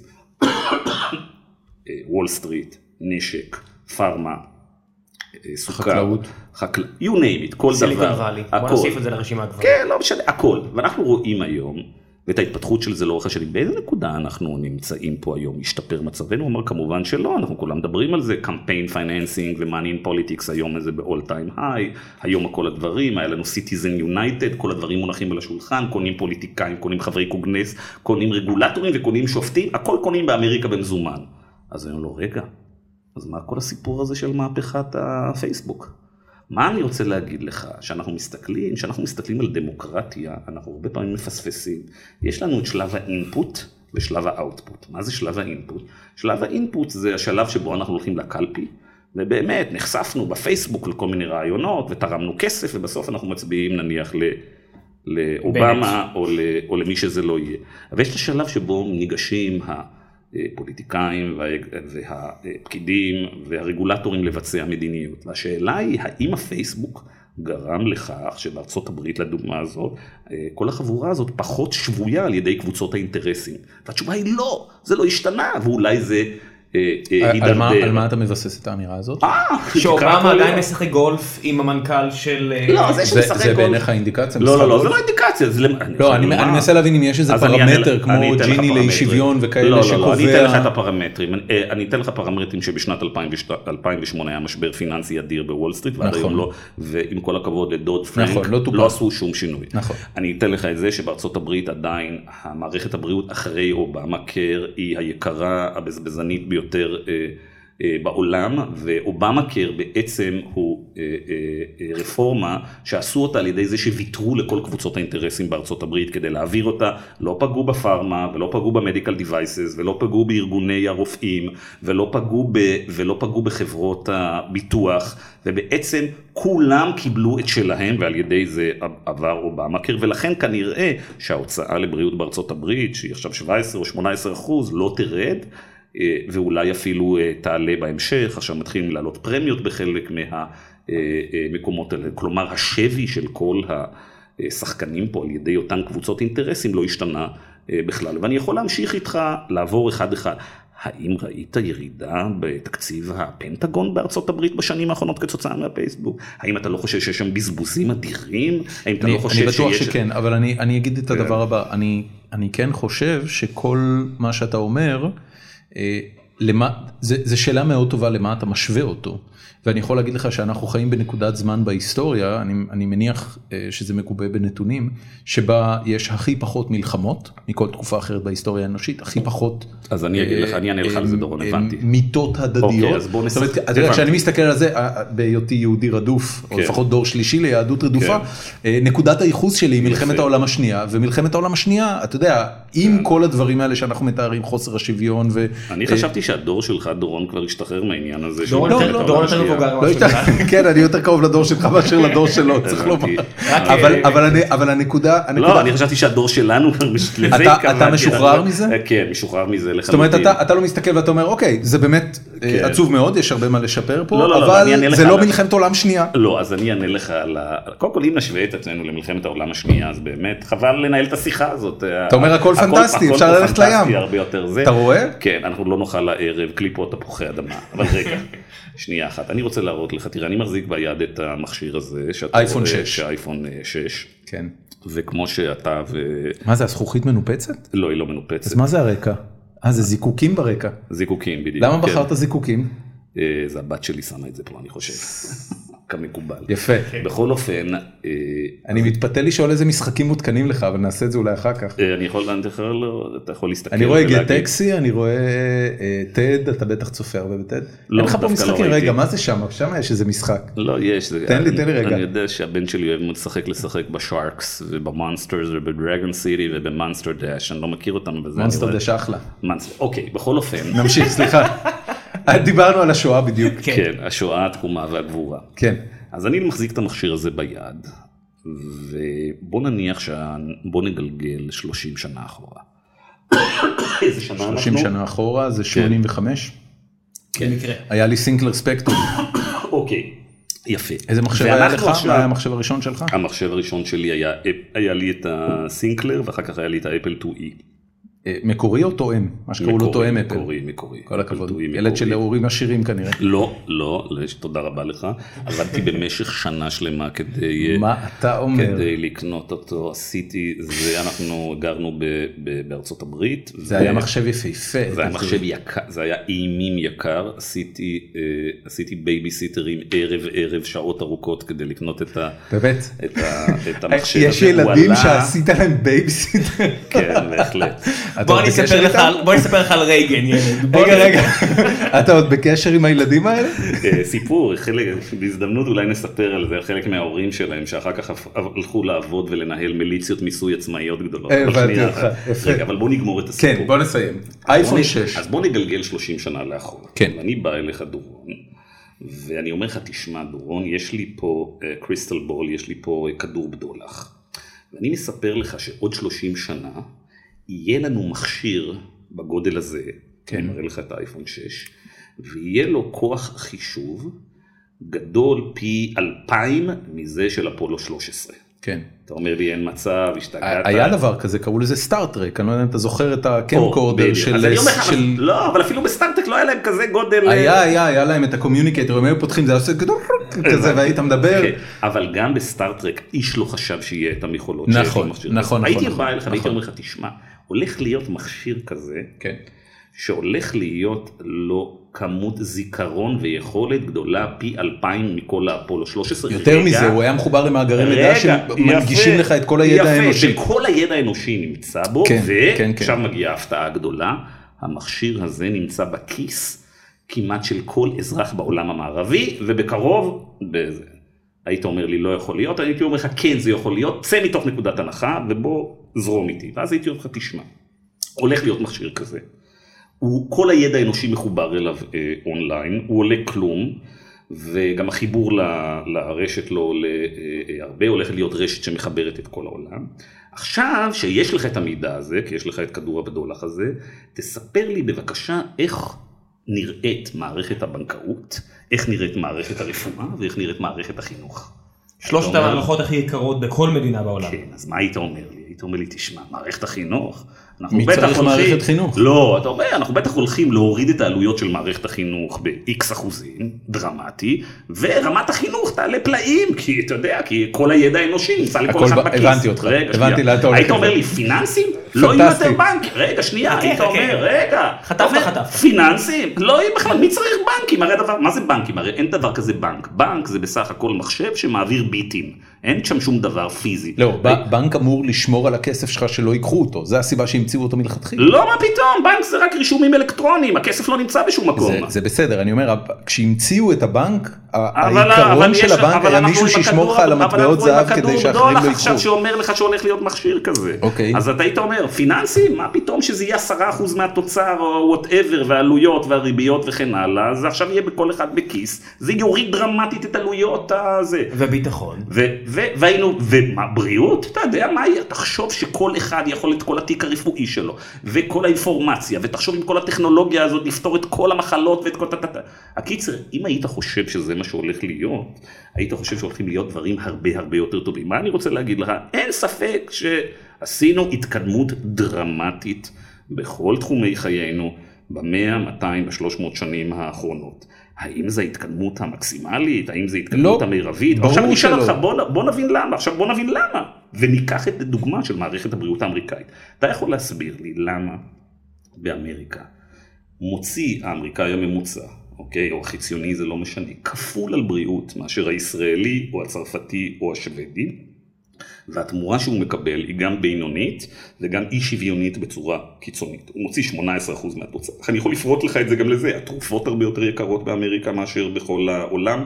אתה הולך לעשות היפ טרנספלנט, השתלת ירך. ירך, והיא עולה פי שלושה ממקומות אחרים בעולם. אתה נכנס לניתוח בארצות הברית. אני, אני, חושב- זה שאתה- כנראה קשור למי מנהל משא ומתן בשמך על העניין הזה. לא, בארץ מי יורד- שמנהל משא ומתן הוא המדינה. לא. והיא סוגרת רגע, עסקאות מאוד בוא טובות. נדבר על מי מנהל משא ומתן מול האוצר על כמה... רגע, רגע, אבל אתם רצים לכל מיני כן. תשובות פרטניות. אני קודם כן. כל רוצה לשאול אתכם, האם בארצות הברית הדבר הזה הוא כל כך יקר בגלל שיש מחסור בטכנולוגיה? אין להם את הטכנולוגיה באמריקה? לא. כל הטכנולוגיה לא מגיעה יודע. בתי משם. החולים הכי טובים בעולם, בוא לא, נסכים. מה זאת אומרת אתה לא יודע? מאיפה באה כל הטכנולוגיה של המדיקל דיווייסס לעולם? איפה החברות הגדולות בוא נמצאות? נסכים שבמיני... אני, אני בטוח שחלקן לפחות מגיע מארצות הברית, אני בטוח שגם יש באירופה. לא? בסדר, אבל הרוב בא מארצות הברית. אוקיי. רוב הטכנולוגיה בעולם, רוב ה-IP, רוב המחקר הבסיסי, הכל מגיע מארצות הברית. האוניברסיטאות הכי טובות. אבל, אבל זה, לא, לא. דוגמה לזה שמערכת ציבורית. משיגה עסקה טובה יותר לאזרחים? בהחלט, אבל שנייה, אני רוצה להגיד לך, מה שזה אומר, לא, אני חוזר לעניין שאמרת, הכל השתפר, הכל מצב מצוין, למה אתה לא שמח שאנחנו לא... למה אתה לא שמח, גיא? למה אנחנו לא שמח? אנחנו שמח לחלוטין. הנה עכשיו אתה שמח, אתה רואה? רק שאלתי אותך ואתה שמח. אז אני שואל אותך. למה- או, אז אני שואל אותך למה המערכת הבריאות שם נראית כמו שהיא נראית. אז יש לזה תשובות רבות ומגוונות, אבל ברור, זה לא בגלל שיש מחסור בטכנולוגיה. כן. זה לא בגלל שאין מספיק economies of scale, גודל שוק ב- ב- נכון. אה, באמריקה, זה לא בזה, זה בגלל שהמערכת הבריאות בארצות הברית מאורגנת באופן שזה עולה 17 אחוז. יש שם רנטות מונו, יש שם בזבוז אדיר בחלקים מאוד גדולים מהמערכת, יש שם רנטות מונופוליסטיות במקומות רבים, יש שם ליירים שלמים בתוך המערכת הזאת שהם מיותרים, למשל, יש שם את כל הלייר הזה של ביטוח פרטי, שכנראה לא מוסיף הרבה ערך, כי אנחנו רואים שבמדינות אחרות אין את הליירים האלה, נכון. והתוצאות הן יותר טובות וכן הלאה וכן הלאה. מה שאני רוצה להגיד לך מכל הסיפור הזה, שאנחנו, אפשרות אחת זה להתבשם בכמה שמצבנו משתפר ונחמד ומעולה והקפיטליזם עובד כמו שהצעת לנו, ואפשרות שנייה זה להגיד תראה אם מארגנים את העסק לטובת הציבור ולא לטובת קבוצות האינטרסים, כמה המצב יכול לראות, להיות יותר טוב. זה מה שהקומוניזם ניסה לעשות, לא? אבל אבל לא, לרוץ- אני, אני לא, אני לא רוצה, לא, לא, כן, אני, עזוב, זה סתם בואו- היה דמגוגי, לא באמת איך התכוונתי הגעת ללכת לשם. לקומוניזם פה? אני, אני, לא, קומוניזם במובן הזה של אה, כל אחד תורם לפי יכולתו ומקבל לפי צרכיו, אבל לא לא ניכנס אמרתי לזה. שום דבר לא, כזה לא, לא, זה אפילו, ממש, לא. אני, כן. אני כן אבל רוצה לשאול אותך שאלה. כן. אה, אתה אה, אני אשאל שאלה ואחרי זה יש לי עוד שאלה על השאלה הזאת, אבל כן. מה התפקיד של ראש ממשלה בהתוויית פתרון לכל הדברים האלה שאתה מדבר עליהם? כן, אז קודם כל צריך לקחת בחשבון. כמה הוא יכול לשפר או, את המצב? מצוין. זאת השאלה. יפה, אז התשובה היא אה, שהיכולות של ראש הממשלה ושל רוב הפוליטיקאים ורוב מקבלי ההחלטות הן הרבה יותר נמוכות אה, ממה שאנחנו אה, ממה שאנחנו נוטים, ממה שאנחנו נוטים לחשוב. יש להם שורה ארוכה של מגבלות שקושרות את הידיים ואת הרגליים של כל הפוליטיקאים, מהסיבה הפשוטה שהם צריכים להיבחר, שהם צריכים להיאבק בפוליטיקאים אחרים בתוך המפלגה שלהם, שהם צריכים להיאבק ב... בקשיחויות, מה שהם יכולים לעשות בתוך הסקטור הציבורי, שהם יכולים, הפוליטיקאים והפקידים שבויים בהרבה מאוד מערכות שלכודות על ידי אותן קבוצות, אה, אה, על ידי קבוצות אה, אינטרסים. כלומר, אז הדבר הראשון שאנחנו מדברים על, על פוליטיקאים, אנחנו צריכים לזכור ששינויים, רוב השינויים לוקחים הרבה מאוד זמן, הם מסובכים ומורכבים. אבל מה שאני מצפה מראש הממשלה, ומה שאני מצפה מפוליטיקאים, שהם יצאו לדרך, שהם יסמנו כיוון, ושיעשו את הדברים האלה. אני לא רואה את זה היום מראש הממשלה שלנו. בקדנציה הנוכחית הזאת, ואני לא רואה את זה מהרבה פוליטיקאים. הוא עשה את זה פעם, היו, היו לו תקופות שהוא היה יותר אה, אסרטיבי ואגרסיבי כן, בפעולות כן, האלה? כן. כשר אוצר למשל? כן, כשר אוצר הוא היה יותר אסרטיבי, ובגלל שהוא נכנס לתפקידו כשר אוצר בתקופה של משבר כלכלי מאוד חמור, מדינת ישראל כמעט פשטה את הרגל בשנת 2003, אחרי שנתיים קשים של אינתיפאדה וצמיחה. אה, שלילית, ותחת הלחץ אה, שהיה שם זה אפשר לו לעשות כל מיני שינויים. אבל בגדול אה, מדינת ישראל, הדמוקרטיה הקפיטליסטית הישראלית סובלת כמו כל הדמוקרטיות הקפיטליסטיות בעולם, ואגב כמעט כל המדינות היום דמוקרטיות קפיטליסטיות, ובראשן שוודיה, דנמרק ו... שוודיה, דנמרק ופינלנד, שבטעות אנחנו כולנו קוראים להם מדינות סוציאל דמוקרטיות, וזה נכון, אבל הן גם סוציאל דמוקרטיות והן גם קפיטליסטיות, כן. כי סוציאל דמוקרטיה כמובן. זה וריאציה על נכון. אה, קפיטליזם, רוב האנשים לא מבינים את זה, רוב האנשים לא יודעים שגם בשוודיה אין בעלות של הממשלה על חברות ועל עסקים ועל הסקטור העסקי. אין חברות ממשלתיות? יש חברות ממשלתיות כמו בכל מקום אחר, אבל מעט יחסית, אוקיי. והם מפריטים אותם, אה, ו... מעטות הן המדינות בעולם ששומרות היום את הבעלות על חברות ממשלתיות ומעטות הן מדינות בעולם בכלל שמנהלות את הסקטור, שמחזיקות בעלות על הסקטור, הסקטור העסקי. אז חזרה לעניין, הדמוקרטיה הקפיטליסטית הישראלית נמצאת בתוואי של סקלרוזה שאופיינית, הצלחתי סוף סוף להצחיק אותה. מילה חדשה. סקלרוזה, אני זוכר סקלרוזה, סקלרוזה זה אחת המילים האהובות על אמא שלי, כל פעם שהיא לא כן. זוכרת משהו היא ישר מאשימה את הסקלרוזה. כן, אבל זה לא סקלרוזה במובן של אה, שכחה. סקלרוזה זה הסתיידות של אה, כלי דם במוח, אם אני לא טועה. אז זה לא התכוונתי לנושא של זה, התכוונתי לזה שאנחנו, שחלק גדול, שיותר ויותר המדיניות הכלכלית, כן. אה, בנויה לשרת קבוצות כוח, כן. ולא בנויה לכלל המשק. זה, ה, זה הסוג של הסקלרוזיס הזה שאני, שאני, אה, שאני ו- מדבר עליו. כדי לעשות את הדבר, אנחנו צריכים לצאת מהתוואי הזה, וכדי לעשות את הדברים האלה דרושה מנהיגות, דרושים רעיונות זה, אחרים. זה בטח לא יבוא מהשמאל הישראלי.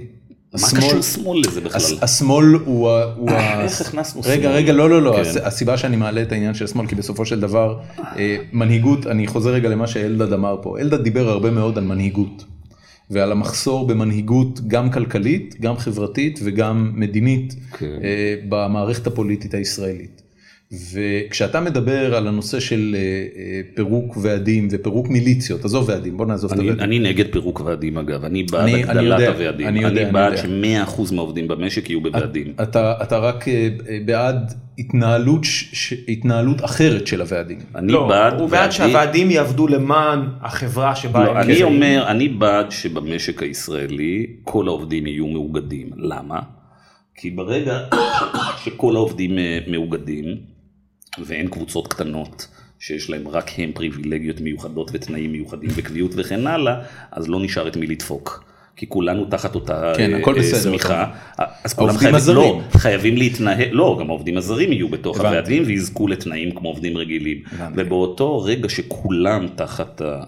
כולם נמצאים תחת, מטריה של. תחת המטריה הזאת אה, וכן הלאה, אי אפשר אה, להיות חסר אחריות. כן. היום, כאשר הוועדים מהווים רק 10, 20, 30 אחוזים, אז יש את מי, יש ממי לקחת. זה גם מעבר לזה, בוא גם נדבר על, למשל תיקח את הוועד בבנקים. כל העובדים בבנקים נמצאים בוועד, האם כל העובדים שנמצאים תחת הוועד מקבלים את אותם תנאים? ברור שלא, יש, יש א', יש אה, דור א', יש דור ב', יש דור ג'. רגע, אני, כן. אני אבל שנייה רוצה לחזור למה שממנו התחלתי. לפני, אה, אני חושב שזה היה בזמן הבחירות, אה, הזדמן לך לראיין את אותו כלכלן איטלקי ביחד עם נתניהו בחדר. זה היה, זה היה אחרי הכלכלן? הבחירות אני חושב. אחרי זה היה כבר? רגע, לא. זה, זה היה במערכת הבחירות אם אני זוכר נכון. זה היה במרס 2014. זה לא היה באמת? זה היה שנה לפני? וואו, הכל מתערבב לי. זה היה לפני, מי, כן. מי הכלכלן? פרופסור לואיג'י זינגלס. והוא היה בביקור בארץ? איפה זה היה? לא, הסיפור שהיה ככה היה סיפור מאוד ארוך, אבל כיוון שאנחנו פה בפורמט יש לנו זמן, בן אדם, אנחנו גר... הרגע סגרנו את השעה הראשונה, אתה יכול ממש להתפרע חופשי. כן, אז ככה, אה, הסיפור שהיה כך היה. אה, מזה כשבע שנים, אה, אני ודה מרקר. אתה כותב הודעות טקסט בזמן שאתה מדבר? כן. אין ברירה. זה ממש חוסר בושה טוטאלי. נכון. אפילו אלדד יניב העז לבדוק מיילים, כן. הוא לא העז לענות בחזרה. כן. כן. אז ככה. אה, מזה שבע שנים. אנחנו מנהלים קמפיין משמעותי בנושא פירוק הריכוזיות במשק, אחר כך נדבר למה זה חשוב וכן הלאה, למה זה דבר שבעצם, אנחנו משתמשים במילה ריכוזיות, אנחנו בעצם מדברים על אה, אה, שינוי כל המבנה וההתנהלות הכלכלית בישראל ולמה זה כולל, למה ריכוזיות מגיע מחר גם ל... לנושאים כמו הפרטת מערכת הבריאות וכן הלאה, למה זה נוגע בכל מקום. אבל לפני זה, אז אנחנו מנהלים את הקמפיין הזה. כן. והממשלה לפעמים אה, איתנו ולפעמים אה, נגדנו. אה, כשזה נוח מסיבות פוליטיות לממשלה איתנו, וכשזה לא נוח היא נגדנו. ובשלב מסוים הממשלה מאבדת, ראש הממשלה מאבד עניין בה. אה, בדבר הזה, וכמובן באים אליו אה, ידידינו הטייקונים למיניהם, שהיו להם אז מונופולים אה, מאוד רווחיים ונחמדים, כמו הסלולר ואחרים. אוליגופולים. כן, והם אומרים לו, תשמע, זה אסון, זה איום ונורא כל הוועדת ריכוזיות האלה וכל הקמפיין הזה של המרקר, כי זה בעצם קמפיין קומוניסטי, בולשביקי, בולשביקי אנטי עסקי. ואנחנו מנסים להסביר לקוראים שלנו ולפוליטיקאים שזה בדיוק ההפך. שהקמפיין הזה הוא בעד עסקים, הוא בעד צמיחה, הוא בעד תחרות, וכאשר יש לך ענפי משק שנשלטים על ידי מספר קטן של שחקנים, אתה בעצם פועל נגד המשק. ויש פה בלבול מאוד גדול בין בעד עסקים גדולים לבין בעד השוק. העסקים הגדולים לא רוצים שוק. נכון. הם רוצים... אה, אה, שליטה בלעדית. הם, הם רוצים, כאשר הם נכנסים לשוק, והם מתחרים, הם רוצים אה, שיהיה שוק. Once הם תפסו עמדות חזקות בשוק, הם רק רוצים לוודא שלא ייכנסו, נכון. הם אוהבים את הקפיטליזם בשלב שבו הם צומחים וגדלים, בשלב שבו כבר הם בתוך השוק, הם לא רוצים קפיטליזם, הם לא רוצים שיגעו להם, הם לא רוצים מתחרים חדשים. ואני מנסה להסביר את זה לקוראים, אני מנסה להסביר את זה בכל מקום שזה, וזה לא כל כך מצליח, כי בצד השני יש את הטייקונים שכל הזמן מנסים למצב את, את המהלך הזה כמהלך אה, אה, אנטי, אה, אה, אה, אנטי עסקי. יפה. ואז אה, אני אה, אה, נזכר בספר שכתבו רגור רג'אן ולואיג'י זינגליס לפני עשר שנים, שקוראים לו Saving Capitalism from the Capitalist. והספר הזה מצביע בצורה מאוד, מסביר בצורה מאוד יפה למה בעצם האויב הגדול ביותר של הקפיטליזם זה הקפיטליסטים שלא רוצים תחרות כן. ולא רוצים שווקים פיננסיים מפותחים, כי כשיש לך שוק פיננסי אה, תחרותי יכולים להיכנס אה, אה, מתחרים, זה, אנחנו רואים את זה בהייטק, אנחנו רואים כן, את זה בכל, ברור, ה, ברור. בכל המקומות. ואז מסתבר שה... שאחד מהשני הכלכלנים האלה כתב ספר נוסף שבו הוא קורא לו Capitalism for the People ובעצם בו הוא מסביר איך הקפיטליזם בארצות הברית מידרדר בהדרגה לקרוני קפיטליזם. קפיטליזם של מקורבים. קפיטליזם של מקורבים ויש הרבה מאוד רעיונות בספר הזה שמתאימים כמו כפפה ליד. אה, לרעיונות, לרעיונות שאנחנו מנסים אה, לדחוף בשנים ה... אה, במסגרת הקמפיין ארוך השנים הזה. יפה. ואז אני כותב על זה מספר uh, טורים, כדי, בניסיון למשוך את תשומת ליבם של חברי ועדת הריכוזיות והפוליטיקאים ו, וכן הלאה, ו, ואחר כך יש קורית המחאה החברתית, וכתוצאה מהמחאה החברתית משתנים האינטרסים הפוליטיים וכן הלאה וכן הלאה, ובאמת ועדת הריכוזיות סוף סוף מביאה מסקנות משמעותיות ומחליטים לפרק את הפירמידות וכל הסיפור הידוע. ואז קורה הדבר המצחיק הבא, שיום אחד מגיע ראש הממשלה לפגישה עם האורחים. וה... ראש הממשלה נתניהו. ראש הממשלה נתניהו. בקדנציה הקודמת? בשנת 2013 נניח, אוקיי? Okay. והוא יושב עם האורחים והכתבים של המרקר באיזה שיחה.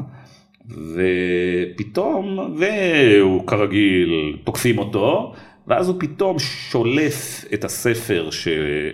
של אותו פרופסור, ואומר, זה הגורו שלי. הוא אומר, אני בעד, באמת בעד תחרות, נגד קפיטליזם מקורבים, וכן הלאה וכן הלאה, וממש מזמר את זמירות, האיש מכיר את הקהל שלו, זמירות דה מרקר, יפה, הוא אומר עליו שהוא סבבה. אז פרסמתי אחרי שבוע מאמר ענק של איזה 4,000 מילה, לקחתי את כל הספר הזה, ואמרתי, בוא, אדוני ראש הממשלה, אמרת שזה הגורו שלך, אז בוא נראה באמת מה הוא אומר. התחלתי לעבור נושא נושא סעיף סעיף ולהראות שנתניהו לא בדיוק מתנהל לפי הרעיונות שהוא אומר וחלק מהדברים שנאמרים שם הם שונים מאוד מהרטוריקה שלו וכן הלאה. זה היה באזור 2013 ואז פונים אליי ואז יש היינו צריכים לעשות איזה כנס של דה מרקר ואז עלה הרעיון של להביא את אותו פרופסור ולאמת אותו עם, עם ראש הממשלה. ואי אפשר היה למצוא בלוז של שניהם את האפשרות. ואז יום אחד אני קורא בעיתון שנתניהו הולך להיפגש עם אובמה. זה היה עוד בתקופה שהם נפגשו. ו... הם לא נפגשים כבר? אני צוחק. ו... לדעתי הם נפגשים פה כן, ושם. כן, זו הייתה בדיחה. ו... ואני אמרתי, יודע מה, בוא ננסה. ופניתי לנתניהו ול... ולפרופסור הזה, ואמרתי, אולי בערב שלפני הפגישה בוושינגטון נפגיש ביניכם וכן הלאה. הוא יושב בוושינגטון? לא, הוא יושב בשיקגו. רציתם להטיס אותו. מה זה? הזמנתם אותו לוושינגטון להיפגש עם נתניהו. הזמנו אותו עם וושינגטון נתניהו והבאתי את שניהם וקיימתי עם שניהם ראיון וכמובן כמו שאתה אמרת מה שבעצם קרה בראיון הוא הסכים איתו בהכל שנתניהו הוא ממזר גדול ובעצם הוא זימר את זמרת את כל הרעיונות של הקפיטליזם קרבים של דה מרקר ובעצם זה היה נראה. זה היה נראה קצת מוזר כאילו כל הוא כל מה שאתה מצפה ש... מה, ש, מה שהיה בריאיון ההוא אני הסתכלתי על זה בהשתאות, כן. משתי סיבות. פעם ראשונה כי זה פעם ראשונה שראיתי אותך עם נתניהו באותו חדר. אוקיי. ואני יצאתי מתוך הנחה שאחרי כל הכתיבה שלך על ההתנהלות של נתניהו בראשות הממשלה לאורך השנים שקדמו לזה, כן. אתה תנצל את ההזדמנות לתפוס, להתנפל עליו עם שיניים חשופות ולקרוע אותו לגזרים, וזה לא היה, זה היה נורא מנומס וחברותי וידידותי. הדבר השני זה שנתניהו הסכים כמעט עם כל כן, מה שאמר אותו פרופסור. רגע, אני רק אבל רוצה להגיד עוד משפט אחד, מה שזה הוביל אותי להניח זה ש... ואמרתי את זה לטל שניידר ממש בפעם האחרונה, שהתחושה שמתקבלת מתוך הדבר הזה, שנתניהו יודע בדיוק מה קורה, יודע, הוא יודע מה הדבר הנכון לעשות, אבל מאותו רגע, מאותו רגע שהוא מאמין בדברים האלה והוא יודע מה הדבר הנכון לעשות, זה מתחיל להתכרסם, וזה מתכרסם על ידי כל דבר שנקרא בדרך, זה מתכרסם על ידי השיקולים הקואליציוניים, וזה מתכרסם כן. על ידי שיקולים ביטחוניים וכן הלאה, ובסוף לא נשאר מזה כמעט כלום. רגע, אז תראה, תשמע, דילגת פה בכמה נושאים, אז קודם כל תראה. למה לא נכנסת בו? אז ככה, קודם כל, מה זה נכנס בו? בוא נראה מה זה נכנס. תן לי דוגמה לשאלה. לא יודע, למה לא התעמדת איתו? למה לא, כשהוא מדבר על כמה הוא מאמין בזה, למה לא קפצת ואמרת, אבל אדוני, אתה לא מתנהג ככה. כן, אז קודם כל, זה כן השאלות שנשאלו שם, אני אגיד לך גם למה, תראה. להגיד לראש הממשלה, קודם כל אני כותב ואחרים כותבים כל שבוע מה אנחנו חושבים על ראש הממשלה, אוקיי? איפה הוא נכשל ואיפה הוא עושה ואיפה הוא זה וכן הלאה וכן הלאה וכן הלאה. עכשיו שאתה במקרה הזה שאתה יושב עם ראש הממשלה אתה יכול להגיד בוא נעשה, בוא נשאל אותך את כל השאלות הידועות מראש, 1, 2, 3, 4 ובוא נקבל את כל התשובות הידועות מראש כי לראש הממשלה כמו לכל פוליטיקאי יש פלייבוק מאוד ברור שאתה שואל אותו על זה אז הוא נותן לך איזה כן. נותן לך איזה תשובה וביומיום אנחנו עושים את זה כל הזמן אנחנו שואלים אני לא זוכר מה היה הנושא שאז היה היה אפשר לשאול אותו על עלות המטוס והטיסה של אל על או של whatever ולמה התקינו שם מיטה ולמה לא התקינו שם מיטה ואז הוא אומר תראו זה בגלל שעשינו מכרז וכן הלאה וזה היומיום מלא כל הזמן בזה עכשיו.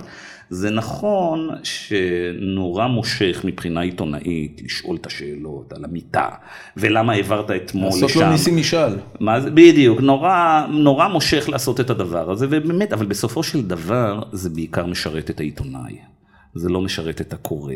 אוקיי. כי זה ברור למה. מה, מה לדעתך יצא לצופה שראה את אותו ראיון? אה, אני חושב ש... תשמע, קודם כל הראיון הזה היה אה, ראיון די אה, ארוך, שאם תחזור אליו ותסתכל עליו, תראה ש-80% ממנו היה ניתוח של כשלי הקפיטליזם והשוק, נכון. זה בעצם היה הנושא.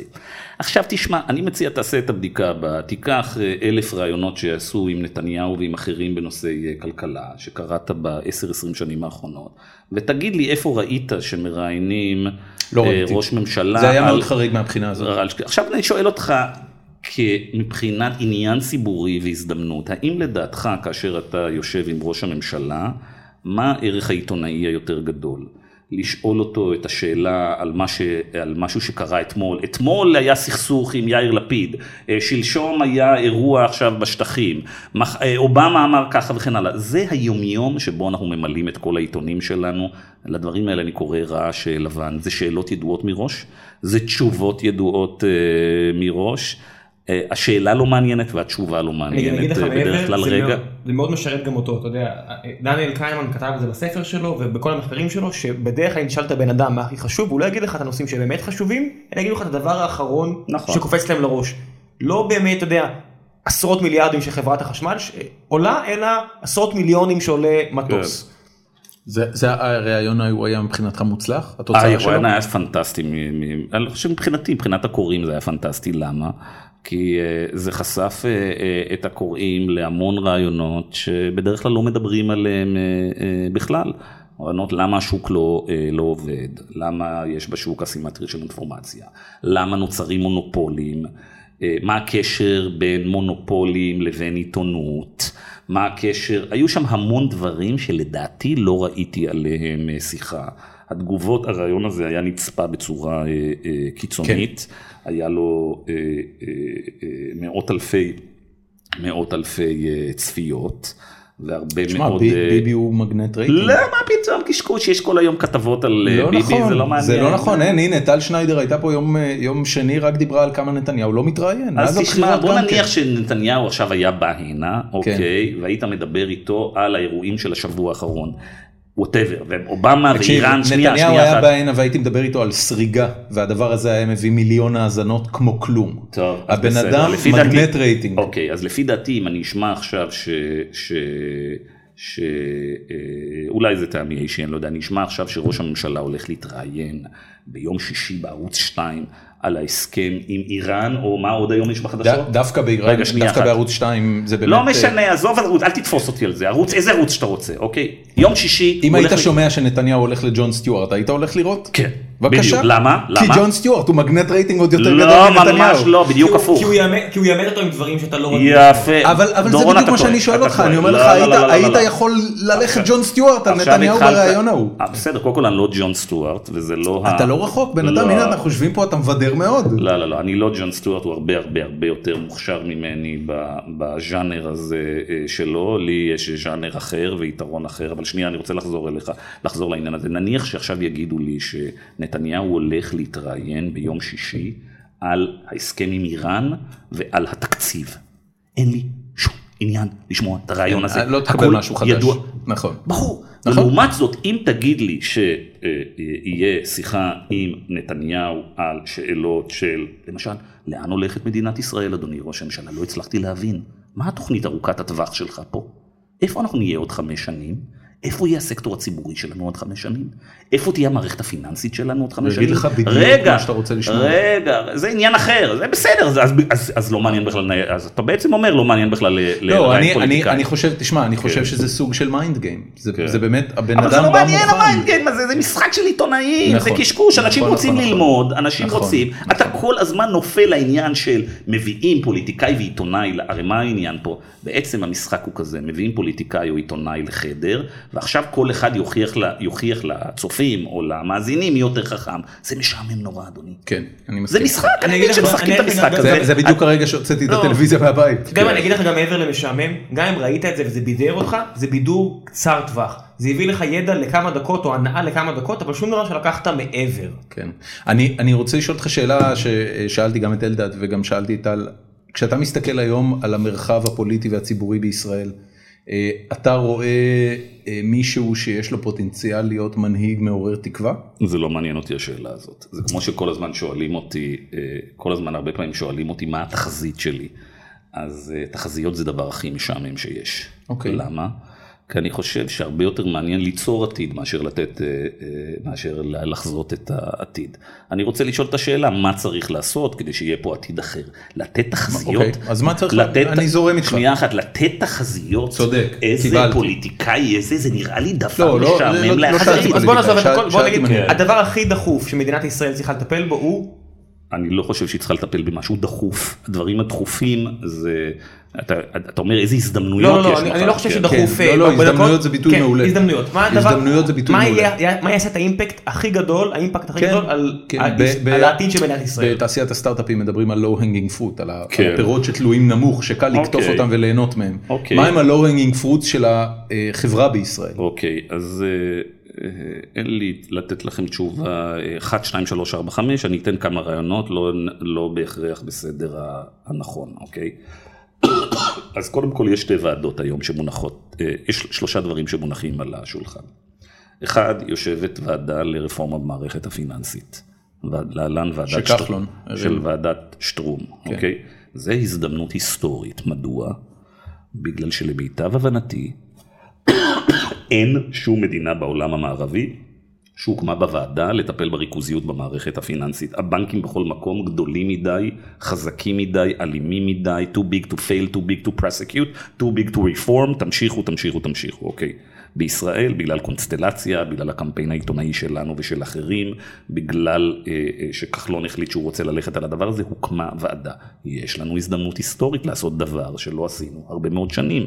יש לנו שני בנקים בישראל, תופסים 60-65% מנתח השוק במערכת הבנקאות, יש לזה השלכות מאוד קשות על הריכוזיות במשק, על התחרות במשק, על הרבה מאוד דברים. יש פה הזדמנות לעשות את הדבר במצב עניינים רגיל, בלתי אפשרי, להכניס תחרות במערכת הבנקאות ולאלף את המפלצת, אה, את המפלצת הזאת, להקטין את הכוח הפוליטי שלה, מסוכן מאוד. כאשר לבנקים יש כוח פוליטי אדיר, זה דבר מפחיד. יש לנו שני בנקים שיש להם מאזן של 800 מיליארד שקל, זה סכום אדיר, מי שיושב ושולט במאזן של מאות מיליארדי שקלים, יש לו כוח פוליטי אדיר, יש לו כוח אדיר בסקטור העסקי. הזדמנות מאוד גדולה. רצית לשאול כן, משהו ראם, רוצה לפני שאני ממשיך להזדמנות הבאה? כן. אני רוצה לתת הערה. אני חושב ששני אנשים, שאם תשאל אותם היום, שיש להם את האינטרס הכי גדול, שיהיה איזשהו שינוי במערכת הבנקאית, יפתיע אותך, לפי דעתי, רקפת וציון. לפי דעתי מנ- היום, מנכ"ל- המנכ"לים של, לאומי פועל לאומי. אני חושב שאם מנ- המנכ"לים של פועלים ולאומי באמת מסתכלים לעומק על החברות שלהם, אתה, אומרים, אתה מסכים עם זה? אני חושב שהחברות שלהם רקובות והם יודעים את זה, אין ש... להם שום עניין בזה, אני חולק לחלוטין על אוקיי, על, אה, יפה. ראם בעניין הזה. אז תן אז תן לי שנייה רק להגיד, אבל ר- בשביל זה ר- אנחנו ראם פה. הוא פורץ דרך. כן. מה זה? ראם הוא פורץ דרך. אני אני אתן לך, אני אעלה סברה. אני חושב שרקפת... אני לא שמעתי על, אני לא שמעתי מעולם על מנכ"ל של מונופול שאומר אני רוצה תחרות. אני- אני ואני אף פעם לא לא חושב- שמעתי, אני חושב שמה אני אף פעם לא שמעתי שהתרנגולות של, שתרנגולות ההודו כן. מחכים לך. אז בוא. אני אני לא חושב שבהכרח תחרות, אני חושב שהרפורמה, הרבה לפני שהם יכולים להכניס תחרות, הבנקים עצמם כחברות לא עובדות טוב. כל מי שמכיר מישהו שעובד בבנק יכול להגיד לך, אנחנו לא עובדים טוב. אנחנו מבזבזים המון כסף שאיפשהו צריך להגיע מאיפשהו. אה, בתוך אה, הבנק, מה, אולי, אולי הם היו שמחים שהרגולטור היה נותן להם להתייעל, זה לא אומר שהם היו רוצים אוקיי, תחרות. אז זה מה שאני אומר, אם, אם הרגולטור, משהו אחר. זה לא, זה לא בהכרח משהו אחר, התחרות תכריח אותם להתייעל אחרת אני. אני, בטוח, אני בטוח שמנכ"ל... יש לך אפשרות לנהל מונופול שלא מתייעל, למשוך משכורות מאוד גבוהות לך לא, אני- ולחבריך. אני- רגע, רגע דורון. כן, כן. או אפשרות לעבוד בחברה שנכנסת לתחרות מאוד עזה ואתה כל הזמן עוסק בפיטורים ובהתייעלות. מה אתה מעדיף אדוני? תודה אני- רבה, אתה אני- יכול אני לסיים, חושב- סיימת את עדותך. אני חושב שמה שראם מדבר עליו זה שאתה יודע, יש לך בבנקים, אה, יש לך שני דברים. יש פעם אחת את חוסר היעילות שהציבור חווה מהבנקים, שנובע מהעובדה ששני בנקים, כמו שאמרת, מנהלים 65% מהשוק הפיננסי בישראל. והחלק לא השני... לא מהשוק הפיננסי, מהשוק הבנקאי. מהשוק הבנקאי, סליחה. ומה, והחלק השני של הדבר הזה, זה ששני הבנקים האלה, יש להם בפנים מערכת תעסוקתית. מאוד מקובעת שלא מאפשרת להם להזיז חדשנות ולא מאפשרת להם אבל, אבל למה, אתה חושב שרוצ... למה אתה חושב שמונופולים רוצים חדשנות? כי הם רוצים להרוויח יותר.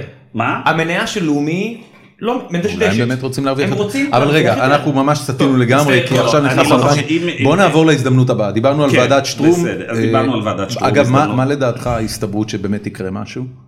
שאלה מאוד טובה, ושוב, אני לא רוצה לתת תחזיות, אני רוצה שאתה וראם וכל המאזינים... שנהיה מודעים לזה, אתה אומר. שתהיו מודעים לזה ותעבדו בזה. זה יותר חשוב מהגז או פחות? מה? זה יותר חשוב מהגז? שאלה קשה. תראה, מבחינת הגודל של השוק הזה הוא יותר חשוב מהגז, ויש לו השלכות אה, אדירות על כל ה... על כל המשק, כי ריכוזיות בפיננסים גוזרת ריכוזיות ב, כן. אה, בשאר אשתי פשוט התחומים. אומרת לי שאני לא יודע לעשות שני דברים בו זמנית, אז אני צריך לדעת במה להתמקד בסופו של דבר. כן, אבל אני חושב שתתמקד בסיפור אחד, והסיפור הוא זהה, וזה קבוצות אינטרסים אדירות בסקטור העסקי, שלוכדות את הרגולציה. אוקיי. לוכדות את כל כלבי השמירה, ולפעמים גם לוכדות את העיתונות. עכשיו, הסיבה היא שהגז הפך להיות דבר כל כך קריטי, הוא שגז זה תחום מועד לפורענות. מדוע? בגלל שהרגולציה בגז יכולות להיות לה השפעה אדירה על העברת מיליארדים של דולרים מהציבור הרחב והמפוזר אל החברות הגז או בכיוון השני. והמשמעות של הדבר הזה שהתמריץ של חברות הגז והשחקנים שם אה, להטות את הרגולציה, להפעיל עליה לחצים, לעשות כל מיני דברים, חלקם מאוד מפחידים ומאוד מאוד גדול. ואני מאוד חושש שאם לא נרסן את, ה, את המונופול הזה ואת הכוח הפוליטי שלו, הוא יכול להשחית את הסקטור הציבורי ואת הרגולציה בצורה משמעותית, ומזה אני מאוד אה, חושש, ואנחנו רואים את זה בהרבה מאוד מקומות בעולם. כן. אז כששאלת גז או בנקים, קיבלת תשובה. כן. עכשיו נדבר על הדבר הנוסף השני שמונח לפתחנו, אתה קראת לזה low hanging fruit, והתשובה היא, והתשובה היא כמובן ועדת לוקר. כן, שנקברה בתקציב הנוכחי. לא, לא, לא, לא, אל תגיד לא נקברה, אתה שוב, תראה, אפשר להגיד שהיא נקברה. לא, לא, אני רק, אני מצטט את דה מרקר, בן אדם, זה שלכם. לא, אתה לא מצטט את דה מרקר, אני אגיד לך מה אתה עושה, אני אגיד לך מה אתה עושה. מה שאתה עושה זה בדיוק מה שעשית מקודם, שאמרת, אם שבהזדמנות שאתה מראיין את ראש הממשלה אתה צריך להתנפל. כלומר, אתה אומר, אתה צריך לייצר שואו עיתונאי, שואו טלוויזיוני, להראות פה מי פה, לא פראייר. בן אדם, זה היה כותרת בדה מרקר אתמול. יפה, רגע, לאט לאט, לאט לאט, לאט לאט. עכשיו, אתה יודע, יש כותרת אחת ויש כתיבה לאורך זמן, אל תבלבל בין הנושאים האלה. רוב הכתיבה בדה מרקר לאורך, תראה, אנחנו כותבים על הצורך בוועדת לוקר. מאז מאי 2003. נכון. נכון. מאי 2003, כן, כן. זה כבר 12 אה, שנה. כלומר, זה שיש כותרת אחת שאומרת שראש הממשלה עושה אחד, שאלה, זה עדיין לא אומר. הקו שלנו בנושא תקציב הביטחון הוא אה, מתמשך הרבה יותר, וזה לא כותרת זו או אחרת, ואנחנו אה, מסבירים לאנשים את ההבדל בין ביטחון לבין הוצאות הביטחון. אין, לבוא ולהגיד שזה, מבחינתי, כעיתונאי, לבוא ולהגיד שוועדת לוקר זה עסק קבור, זה דבר נורא משעמם. זה, בשביל, זה אני, בשביל זה צריך אותי כעיתונאי להגיד שזה קבור? לא, תפקידי לעשות בדיוק את הדבר ההפוך, דורון. תפקידי לעורר בך ולעורר במאזינים ולעורר בקוראים ולעורר בכל הזמן את הרעיון למה אתם צריכים ללחוץ כדי שוועדת לוקר אז, תקרה. אז הכותרת להגיד ש... שזה הולך להיות קבור זה, לא, הכ... זה בלתי מעניין. הכותר, הכותרת זה ז'אנר שקבעה... עיתונאי נחות בעיניי. זה הז'אנר לא, לא, שאתה לא, הצעת מקודם. הכותרת כן. שהייתה בדה מרקר לפני יומיים שקבעה שנתניהו וכחלון קברו את ועדת לוקר בתקציב המדינה כן. וזה לא יקרה אה, בשנתיים הקרובות הייתה כותרת שכל תפקידה היה לעצבן אותי? לא, ממש לא, לא בהכרח. תשמע, אמרתי לך שוב, אתה לקחת כותרת אחת מתוך הרבה מאוד כתבות. אוקיי. Okay. אה, אה, ואנחנו כותבים כל הזמן על הצורך לעשות את, ה, את הדבר הזה. עכשיו בואו רגע נדבר על העניין עצמו. כן. אוקיי. עצבנתי אותך? אה, לא, לא אוקיי. עצבנת אותי, עדיין לא. זה נראה לי מלחיץ לעצבן אותך. חכה. תראה, משהו קרה. אנחנו ואחרים מדברים על הצורך לקצץ בתקציב הביטחון, לנהל את הדברים אחרת כבר הרבה מאוד שנים. עכשיו, השבוע השתתפתי באיזה כנס, ומישהו אמר לי בדיוק את הכיוון שאתה לקחת מקודם. אמר לי, עזוב, לא יצא מזה כלום, לא ראית את התגובה האלימה של מערכת הביטחון? בדיוק. אין לזה סיכוי לדבר הזה. אמרתי ההפך. תגובה אלימה מראה שהם מפחדים. התגובה, תשמע, אנחנו צועקים. אני זוכר שבאוגוסט 2003, אחרי שפרסמנו גיליון שלם על תקציב הביטחון, המערכת הביטחון הייתה בשוק מהנתונים שהבאנו שם, על, על הכספים שמקבלים בכירי המערכת, ועל בזבוזים וכן הלאה. ואז הם עשו תדריך לעיתונאים הכלכליים, לעורכים הכלכליים וכן הלאה. מה זאת אומרת תדריך? תדריך, אוף דה רקורד, כן, באנו כמה עורכים כלכליים, אני לא זוכר בדיוק מי ומה, ובאנו ללשכת הרמטכ"ל בקריה, אם אני לא טועה, הרמטכ"ל היה אז בוגי. בוגי, לא, לא, בוגי, בוגי, נכון, יפה, אז ככה, אז הגענו, וזה היה נורא מצחיק, זה היה אה, עוד שלהי האינתיפאדה השנייה. ובאנו לפגישה הזאת, ובוגי נשא איזה נאום על האיומים ועל איראן ו whatever מה שהיה ועל סוריה, הסורים עוד רגע תוקפים ולסוריה יש צבא וכן הלאה וכן הלאה והמצרים ו whatever והכל בסדר. נתן נאום, לא נתן לנו לדבר. ואז היה את הרגע הבא, הוא אמר רגע, יש לי טלפון, הוא נפנה לאחור והרים טלפון אדום והקשיב ואז סגר ואמר החוליות שלנו תפסו כרגע את אה, המבוקש מספר whatever ואמרו איזה שם בערבית. אה. שכמובן אני יכול להגיד שזה, אין לי מושג. צריך לומר שלפני עשר שנים יש סיכוי מאוד טוב שאני הייתי מעורב בסיפור הזה. תמיד היה. אתה היית בצבא הזה. כן, תמיד כן. היה מבוקש מספר. אוקיי, תמיד היה אוקיי. וכן הלאה וזה, והוא היה בטוח, וכאילו זה היה הפינאלי הגדול של הדיון על תקציב הביטחון, הוא אומר לנו כמה הוא חשב שאתם מיד תרוצו למערכת ותכתבו כמה... כן, עכשיו זה הצחיק אותי, מה אכפת לי מהדבר? חושב, זה היה שיחה אמיתית? או שזה היה הצגה מבוימת? אין לי מושג, אבל אני אגיד לך מה... זה לא משנה גם. אבל אני אגיד לך מה הייתה תגובתי. או זה משנה. אני אגיד לך מה הייתה תגובתי, הוא הניח את הטלפון ואמר זה היה זה, תפסנו את המבוקש מספר זה, חאלד, חאלד, מוחמד חאלד. נאסר אסיידה. נאסר אסיידה, whatever, לא משנה. ואז אמרתי לו, אדוני הרמטכ"ל, אפשר לשאול שאלה? אמרתי לו, כן. הוא היה בטוח שאני אשאל משהו על איראן, מהסוג השאלות האלה שאתה רצית שאני אשאל את ביבי, כאלה שאלות גדולות. לא, רציתי שאלות גדולות כאלה. כן, כן. אז אמרתי לו, תאמר לי, אדוני הרמטכ"ל, אה, מדוע לדעתך אה, פסיכולוג בעיריית שדרות צריך להרוויח אה, שכר ותנאים רבע מפסיכולוג בקריה? שאלה פשוטה, נכון? שלא שאלה ענקית. כן. זה לא וואלה נכנסת ברמת גן. ומה הוא ענה? אתה יודע מה זה אבל גיא? זה מה שנקרא intellectual germ. אני רוצה להגיד לך משהו. זה מה שנקרא intellectual germ. intellectual germ שאתה משחרר, כמו שזה הביטוי של מים, שזה תמונה שזה בעצם זה חלק מגן של תרבות. intellectual germ זה מה שדן קרלין אומר שלנין עשה, שהוא שחרר לעולם. עכשיו שגיא ימשיך, תחשוב על זה ככה. אז שאלתי אותו את השאלה הזאת, ועכשיו לכם מגיע הרגע של התשובה. כתבתי, לימים כתבתי, זה היה off the record, הדבר הזה, לימים זה היה זה. אז, אז מעניין מה התשובה. אז אמרתי לו, נניח, אני לא זוכר את המספרים, אמרתי לו, נניח אה, פסיכולוג אה, שעובד בשירות התעסוקה, לא, לא יודע באיזה, עובד סוציאלי, whatever, יש לו פנסיה של חצי מיליון שקל שהוא מגיע לגיל 50, ומקבילו בצבא שעושה את העבודה בדיוק, שלושה מיליון שקל. אמרתי לו, תסביר לי את זה. כמו שאנחנו יודעים, ש-80% מהאנשים שעובדים במערכת הביטחון עושים עבודות אה, אזרחיות, כלומר הם לא לוחמים. כן. אז הוא הסתכל עליי והייתה שתיקה של אני מעריך בין 20 ל-30 שניות בחדר, שזה דבר די מצחיק. זה ממש לקוח מתוך איזה, מתוך uh, סרט. ואז הוא הסתכל עליי, הסתכל, הסתכל, הסתכל. ואז הוא פתח ואמר, אני לא יודע מה להגיד לך על המספרים האלה. בזה נסתיים העניין. אוקיי. Okay. בזה נסתיים העניין. מה זה אומר?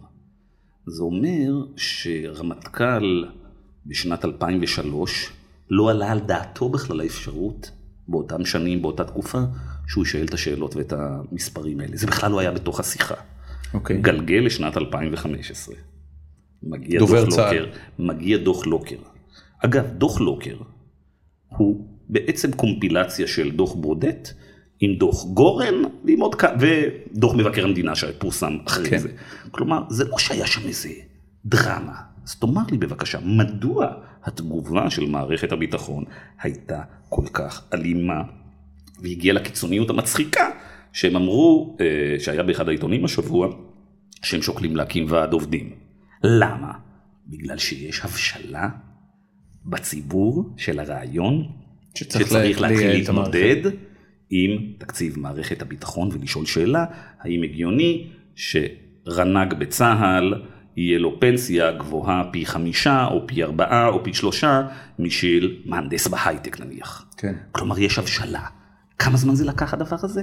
עשר שנים? חמש עשרה שנה? 12. ווטאבר. לא, לא, לא צריך להתחיל דווקא מהרגע אגב, ש... עשור, אתה יודע, אם אתה מסתכל על, ה, על התודעה הישראלית, אז אה, עשור זה פחות או יותר זמן סביר בשביל הציבור כן, הישראלי. יש מחקר, יש מחקר של פרופסור אבי בן, אה, של אבי בן בסט, אה, שהוא פרופסור אדיר וגם יזם חברתי מדהים אה, אה, לדעתי, שמראה שבדרך כלל כדי לבצע רפורמה בישראל זקו- זקוקים ל-18 שנה ושלוש ועדות. באמת? בדרך כלל זה קורה, כן. הוא עשה, הוא בדק את זה בסקטור הפיננסי, אבל יכול להיות שזה, אפשר לגזור מזה גם לענפים אחרים. אז עכשיו שאנשים אומרים לי, אה, דוח לוקר הולך לי, ל- ל- ל- דוח לוקר הולך צעד אני אומר, זה בדרך. סוג אותו, זה ז'אנר עיתונאי לא חביב עליי. זה, בוא, כשאתה רואה- קח רואה- יותר רחב, תסתכל. כשאתה כן. קורא אה, כותרות כאלה בדה מרקר, אתה מתקשר לעורך ונוזף? לא, לא, ממש לא. תשמע, קודם כל... זה רק אני מקבל את היחס הזה? כן, ברור, בדיוק. אוקיי. תרגיש תשמע, עריכת. עיתון יומי ואתר אינטרנט יומי זה לא דבר באמת שכל רגע אתה חושב על מה כי אתה צריך, זה לא שיש לך איזה קו ברור ואיזה כללים ברורים כן. וכן הלאה. אה, בסופו של דבר, כשאתה קורא את המאמרי מערכת אה, אה, של, של העורכים במרקר ושל הכתבים במרקר, לאורך זמן אתה מקבל איזה קו, אבל ביומיום, במרקר, אה, אה, תמיד, מאז הקמתו, תמיד היו שטויות ותמיד עושים טעויות וזה כן, חלק רייטינג. מהעניין, מה? צריך רייטינג. לא רייטינג, ממש לא בגלל רייטינג, מי שחושב שלא, ממש לא. עושים שטויות, כי עושים שטויות, אתה לא יודע את כל האינפורמציה, אתה ממהר, אתה לא זה, אתה עושה טעויות, כמו שבכל מקצוע אחר עושים טעויות. רק בסטארט-אפ שלכם לא נעשות טעויות. בן אדם, אנחנו שש עושים שעות מתוך טעויות. עשר שעות אני ודורון מדברים על טעויות שעשינו. אנחנו או, עושים יפה. טעויות על אז ימין אני ועל רוצה. לגלות לכם שגם ב- אה, בעיתונות זה ב- קורה הדבר הזה. ב- בפרק הראשון שלנו התארח פה שחר סמוכה, שהיה כן. עיתונאי בהארץ הרבה שנים. כן, גם בדה מרקר. נכון, וסיפר שתפיסת העולם של עיתון הארץ ושל, אה, אני מניח שזה אה, מושלך גם טיפה על דה מרקר, זה להיות paper of record. זאת אומרת, אה, הוא תיאר את זה בתור העיתון שממרחק של זמן הסתכלו עליו כדי לראות מה היו התהליכים שעברו אה, על הציבור בתקופה הזאת. מה שאני רוצה לשאול אותך אה, ספציפית ב- בהקשר, אני לא חושב ש... אתה לא מרגיש ככה לגבי דה מרקר? אני לא חושב. שיש כזאת תודעה היסטורית משמעותית כזאת אה, בדה מרקר, אבל אני לא יודע להגיד לך את זה בזה, אבל אה, אנחנו לא מרגישים את הדבר הזה, אנחנו כן חושב שאנחנו, דה מרקר זה עיתון אה, מאוד אקטיביסטי, כלומר הוא לא רוצה לתעד, הוא רוצה לשנות. הבנתי. אני אגיד לך מה ההבדל, היה היה רגע, בד- אבל- היה בדיזינגוף סנטר, היה איזה תערוכה עם כותרות של ידיעות. ואתה רואה שם את ההתפוצצות של של המעבורת עם אילן רמון, וכותרות ענקיות, ואתה רואה את זה נורא מרשים. בדה מרקר, מה שאתה רואה זה תהליך, ותקן אותי גיא, של 20 שנה של שחיקה איטית של סלע. על ידי נכון, מים. נכון. זה לא משהו שמצטיין, זה לא משהו... נכון. אתה זה- תראה זאת בדה גם מרקר, התחושה, אגב, בקריאה. אתה תראה בדה כן. מרקר הרבה יותר רעיונות ופחות אירועים. אוקיי. כלומר, כשאני מסתכל על אה, כותרות כאלה של paper of record, או שהוא אמר נניח בידיעות אחרונות, ואני מסתכל ואני רואה, המעבורת התפוצצה, ההוא אה, אה, נפל, ההוא עלה, אז זה נבחר, אתה מסתכל על הדבר הזה ואתה שואל, מה הערך ההיסטורי האמיתי פה, מה אני לומד, איזה רעיונות כאן, איזה זרמים יש פה בחברה, זה לא, זה news שהוא הרבה פעמים רעש לבן ולא, אה, ולא יש לזה פן. עסקי, הרי דה מרקר הוא בסופו של דבר חברה מסחרית. כן. הוא חברה עסקית. אתה, אתה הקמת את אה, דה מרקר. נכון. אה, אתה היית, אתה בעצם היית העורך המייסד ואיתך בטח היו שותפים מסחריים. נכון. איפה, איפה אתה נותן, זאת אומרת, באיזה נקודה המסחריות משחקת תפקיד מבחינתך? או שאם תהיה איזושהי אה, אז תשמע, בעניין כן. הזה אני תמיד מצטט את, אה, את המו"ל של קבוצת הארץ ושל אה, דה מרקר היום, את עמוס שוקן, שהוא מאמין שבסופו של דבר המודל העסקי שלנו הוא, אה, העסקי, שהדבר הנכון לאינטרס הציבורי כפי שאנחנו תופסים אותו לאורך זמן הוא גם עסק טוב. ואני חושב שלמרות שזה נשמע קצת, אה, איך אני אגיד, יומרני, צדקני, whatever, תמצא מה שלזה, הניסיון מראה שזה אכן נכון. אה, אה, הארץ ודה מרקר נמצאים כאן כבר הרבה מאוד שנים עושים את עבודתם, והם גם כמה שאפשר לשגשג בענף הזה, וזה ענף קטלני ואני לא צריך להסביר לכם, כן. יש לכם פה business של classified ואתם יודעים מה קרה ל classified oh, בעיתונות, נכון. אז, אז יחסית לזה, כשאני מסתכל מה קורה בשאר העיתונים בשנים האחרונות, כולל הגדולים והחזקים ביותר, ובאמת אני לא רוצה להתחיל לדבר על, על עיתונים אה, אחרים.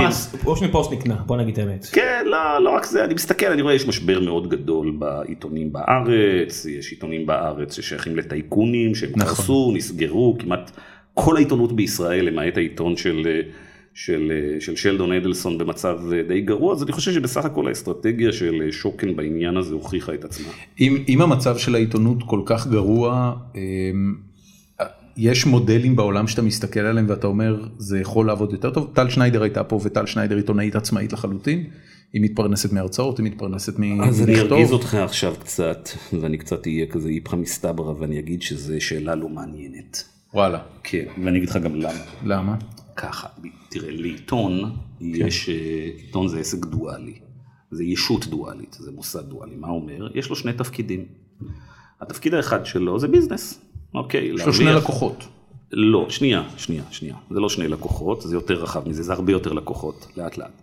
יש לו business, אגב יש עיתון שיש לו לקוחות ומפרסמים ומנויים, שנייה אחת, בוא לא נבלבל את העניין של לקוחות. כן.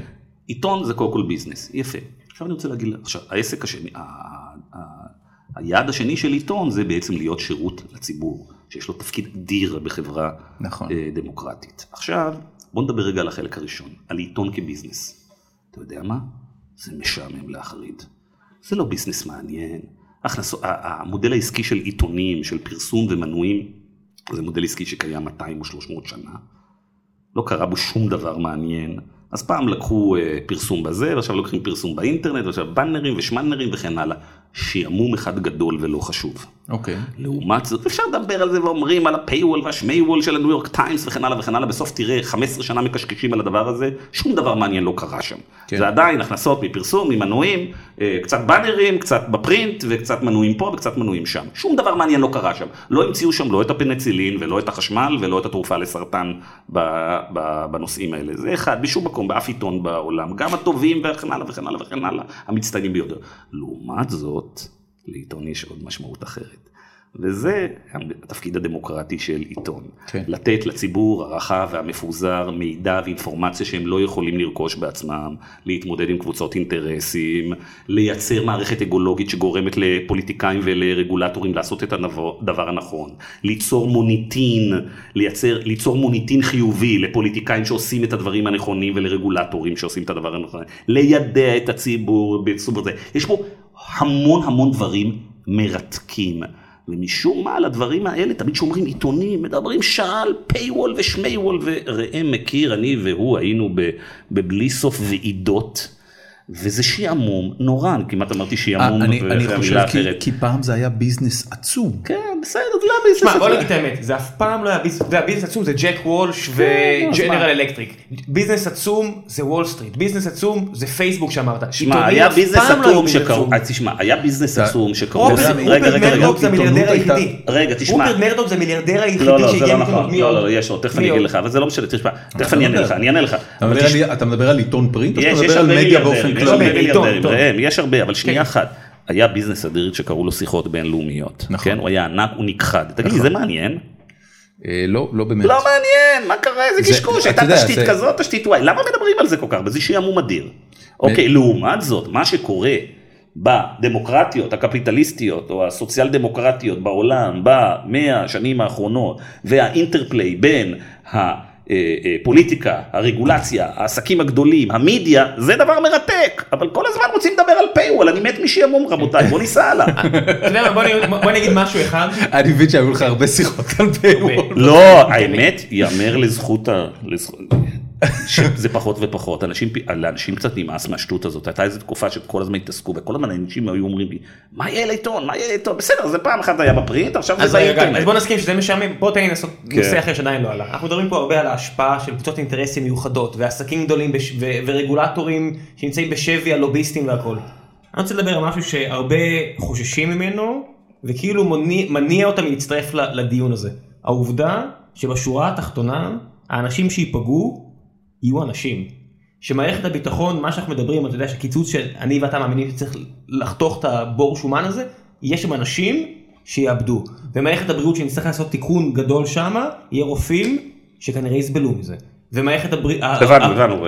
אוקיי, אנשים. עכשיו, אוקיי. ובעלי דירות. יפה. ואנשים. יפה. אז יש לי. הצעה בשבילך, בוא נזרום איתך, ואם אתה צודק, אז בוא נעשה את הדבר הבא. אה, אנחנו אמרתי רוצים- כלום, דרך אגב, רק אמרתי, בוא שנייה. אני אענה כן, לך. כן. אנחנו הרי לא רוצים לפגוע באנשים, אנחנו רוצים... רוצים. אני שנייה, רוצה. רגע, אני לא רוצה. אוקיי. אוקיי. אני לא רוצה, אני רק רוצה. אז אני מציע שכל אלה שאמרת שאנחנו לא רוצים להביא, אני מציע שנעביר החלטה ערב פה שלושתנו, שנכפיל לכולם את השכר. בעייתי. למה? א' זה בלתי אפשרי. בטח אפשרי, לא רק שזה אפשרי, אה. אלא לא רק שזה אפשרי, אלא שעושים את זה גם. לא, אז אתה אומר בוא בוא. בוא נדפיס כסף. לא, מה פתאום, למה להדפיס כסף? אז מאיפה יגיע השכר הזה? מהצרכנים, ממשלמי המיסים. אני מנסה להבין אם אתה עושה trolling, כאילו מה זה. לא, למה? לא, לא, לא, לא, אני מציג. את האבסורד בטענה שלו. ואני גם רוצה להגיד רגע. תנו לי לענות. לפני שאתה אומר, מה זה מה זה נכפיל את השכר? אם אני מרוויח 300 אני אגיד אלף או בדיוק. 350 אלף אני והשני אגיד לך מרוויח בדיוק. 10,000, אני אגיד לך ההכפלת. שכר לא שווה. אז אני אענה לך, אנחנו פה נמצאים ליד אה, עיריית תל אביב, אוקיי? אז יש לי, ואני זורם איתך, אני אומר, לא צריך לפגוע באנשים. מישהו אמר לי שבעיריית תל אביב... אני חושב אחרת, צריך לבחור. רגע, מישהו אמר לי שבעיריית תל אביב ובעיריות הגדולות בישראל יש אבטלה סמויה מאוד גדולה וחוסר יעילות וכן הלאה. אוקיי, ואתה אומר יפגעו באנשים, אז לי ההצעה שלי היא כדלקמן, בוא נכפיל את השכר של כל עובדי העירייה. זה אפשרי וזה פיזיבילי מחר בבוקר. איך נעשה את זה? יש שתי אפשרויות. אפשרות אחת זה שנעלה את הארנונה לכל אזרחי, אה, לכל תושבי אה, תל אביב. אפשרות שנייה גם שנבקש הזרמה ממשרד האוצר. למה ראם לא מתלהב מהפתרון הזה, דורון? כי בעצם מה. עשינו? לקחנו כסף מכלל, הצ- לא, לקחנו כסף, וגם העברנו אותו דרך המערכת הציבורית שהופך לא, אותו. לפחות יעיל לא, בהכרח. לא, לא, לקחנו כסף מכלל הציבור. והעברנו אותו לעירייה, האם מה עשינו? בעצם הקטנו עוד יותר את היעילות נכון, במשק, כלומר למה? נכון, לח- נכון. למשל לקחנו כסף משני סטארטאפיסטים כמוכם שנאלצים להתחרות בשוק החופשי ונאבקים בו ונעביר אותו לעובדי העירייה, זה מה שעשינו. האם בזה שלקחתי כסף מכם ומעסקים אחרים שמנסים להתחרות ומהפלאפליה כאן והעברתי אותו לעובדי עירייה, שיפרתי את מצב המשק או הראתי אותו? ראם? א' הראית, ומה... יפה, רגע, רגע, רגע, דבר, רגע, לאט לאט, הראת, יפה. לכן אתה מבין שהנושא הזה שאתה אומר פגיעה, אמרת דבר שהוא פשוט לא נכון. נכון. אתה לא פוגע, אתה אומר בעצם, זה שאתה פוגע באותה קבוצה, אתה מיטיב בסך הכל עם סך הכל הציבור. למה? כי אם יש לך גורמי ייצור במשק, אנשים שלא מייצרים ערך ומקבלים שכר או לא עובדים או מקבל שכר גבוה, בסך הכל האנשים האלה מושכים את כל החברה למטה. אז הדבר הזה שהצגת את זה כפגיעה הוא פשוט לא נכון. זה הצגה מניפולטיבית של הסיטואציה. לא, אני- זה אני הצגה סובייקטיבית אני רוצה גם להגיד מעבר, של אותם אנשים, סובייקטיבית. כשאתה אומר. חברה, אתה מדבר סוסייטי. אני, בוא, נדבר קמפני. בוא נדבר הרבה אנשים שמושכים את החברות שלהם. לאן. אתה...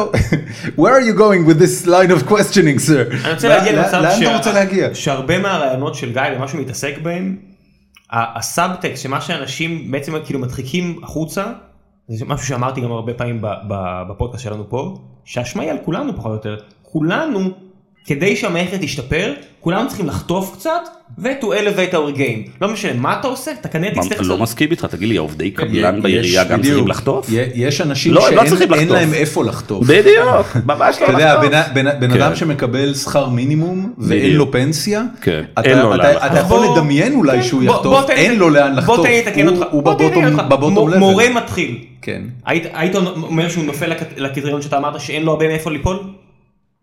הוא מקבל מעט מאוד כסף מורה בוודאי. מתחיל. אתה יודע איפה יש לו ליפול? איפה? לעשות עבודה יותר טובה. מה זאת אומרת? אם לעשות עבודה יותר טובה זה משהו שלהערכתי כל מורה. אתה יודע, יש איזה- יש איזה הנחה סמויה שהיא הרבה פעמים אה, אה, צפה בדיונים האלה, שהאנשים שנמצאים במקומות שחוטפים ביקורת, בין אם זה במערכת הקבע, בין אם זה במערכת הבנקאית, אה, איזה, איזה מין תפיסה כזאת שהם נהנים מחוסר היעילות של המערכת שבה הם פועלים. במובן מסוים הם נהנים, במובן מסוים הם כנראה מאוד לא נהנים. זו אותה תחושה שאתה מבלה שלושה ימים בבית על הספה, טוחן שוקולדים ורואה טלוויזיה. אתה בסוף לא כיף לך עם זה. אתה נכון. מרגיש לא טוב עם ההבדל זה. בין הנאה לאושר. לא, אני לא לא. נכנס לזה, אוקיי, וואו. הלכת הלכת רחוק. אני- יש לי פה זה. הרבה, אני- קורא לזה להגעיל את עצמי, אוקיי? אתה מוצא את עצמך אחרי שלושה ימים על הספה, מגעיל את עצמך. נכון. יש נקודות, עכשיו, אתה מכור לזה.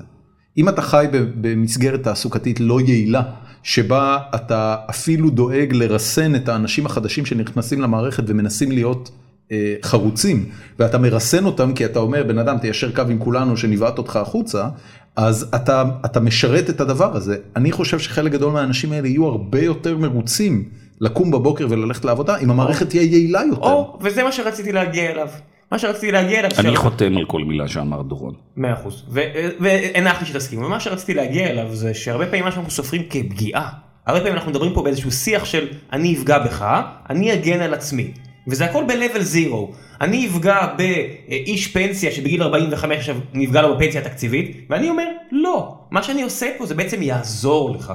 כי אם אני משחרר אותך עכשיו עם פנסיה תקציבית שלא משתלם לך לעבוד, זה לא טוב לך לאושר, אתה- לא לווילס. אתה- אתה- אנחנו שלושתנו מסכימים על אותו דבר, אנחנו מסכימים שמערכות לא יעילות צריכות להתייעל. לא, מה שאני אגב, אומר- אה, כן. צריך צריך לומר, אה, אני מניח, אה, מעבר לתגובה האינסטינקטיבית של פוגעים באנשי הקבע וכן הלאה, המון המון המון קולות במערכת הצבאית מדברים על התייעלות. אתם אתם מביאים הרבה הם כאלה. רק מדברים על זה, הם לא... אה, אה, קודם כל לקח לנו המון זמן עד שהצלחנו לייצר קולות שמדברים על זה. באמת?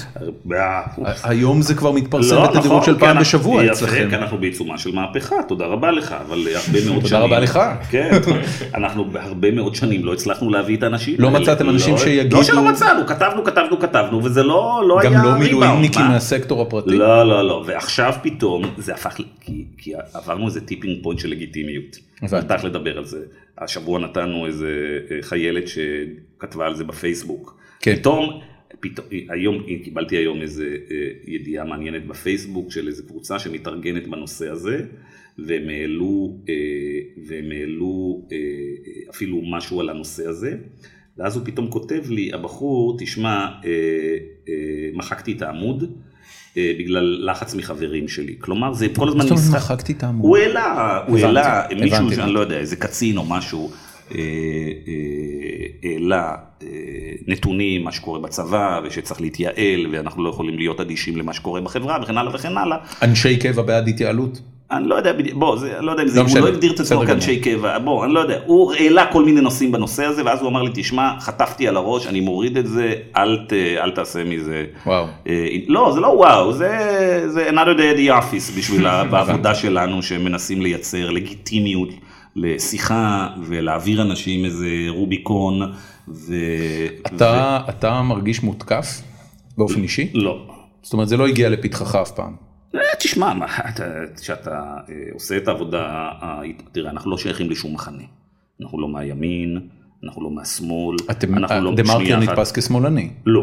לא, אני לא? חושב- אני חושב שמה שאמרתי עוד לפני השידור, הוא נתפס אצלך כמחנה. כקליפורניק. ומה? אני חושב שעזוב את זה, אני חושב שדה מרקר הוא כבר מחנה בפני עצמו, זה משהו שאנחנו אולי נרגיש רק בהמשך, זה עדיין אולי לא מגיע למנדטים, אבל מה שגיא עשה, והוא קצת, הביך אותו שאמרתי לו שלפני השידור אמרתי לאנשים שגיא מגיע, אמרו לי, תגיד לו שאנחנו מעריצים שלו. יש לך מעריצים?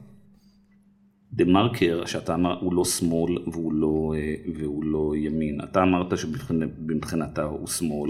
רק בגלל הקישור להארץ אגב. אני- אה, אני זה יכול לומר. להיות, אין מה לעשות. כן, אה, המו"ל זה הוא. המו"ל הוא אותו מו"ל. כן, כן, איזה כן, פרופסור כן. באוניברסיטת חיפה יחלוק עליך ויגיד שדה מרקר הוא בעצם הימין הקיצוני. לא, זה הרבה אנשים יגידו, יש, יש הרבה אנשים בשמאל ונניח בהסתדרות שחושבים שדה מרקר הוא ימני קיצוני ויש הרבה אנשים בימין שחושבים שזה שמאל וזה על הכיף כל אחד כן, כן, שמסתכל כן. על זה בעולם אותך, שלנו. עכשיו, מאחר ואנחנו לא שייכים לא לשמאל ולא לימין ולא לעבודה ולא לליכוד ולא ללפיד ולא לכחלון ולא לבית היהודי ולא לדוב חנין ואנחנו לא, ואנחנו לא מרימים דגל של אנחנו קפיטליסטים ולא מרימים דגל שאנחנו סוציאל דמוקרטים ולא מרימים את כל הדגלים האלה ואנחנו לא מהצד הזה ולא מהצד הזה. אז בעצם הרבה יותר נוח וחמים להיות חלק מאיזה מחנה, יש לך את ה base שלך, כן. האחרים לא מעניינים אותך, כן. הם לא קיימים, ואתה חי עם ה base שלך.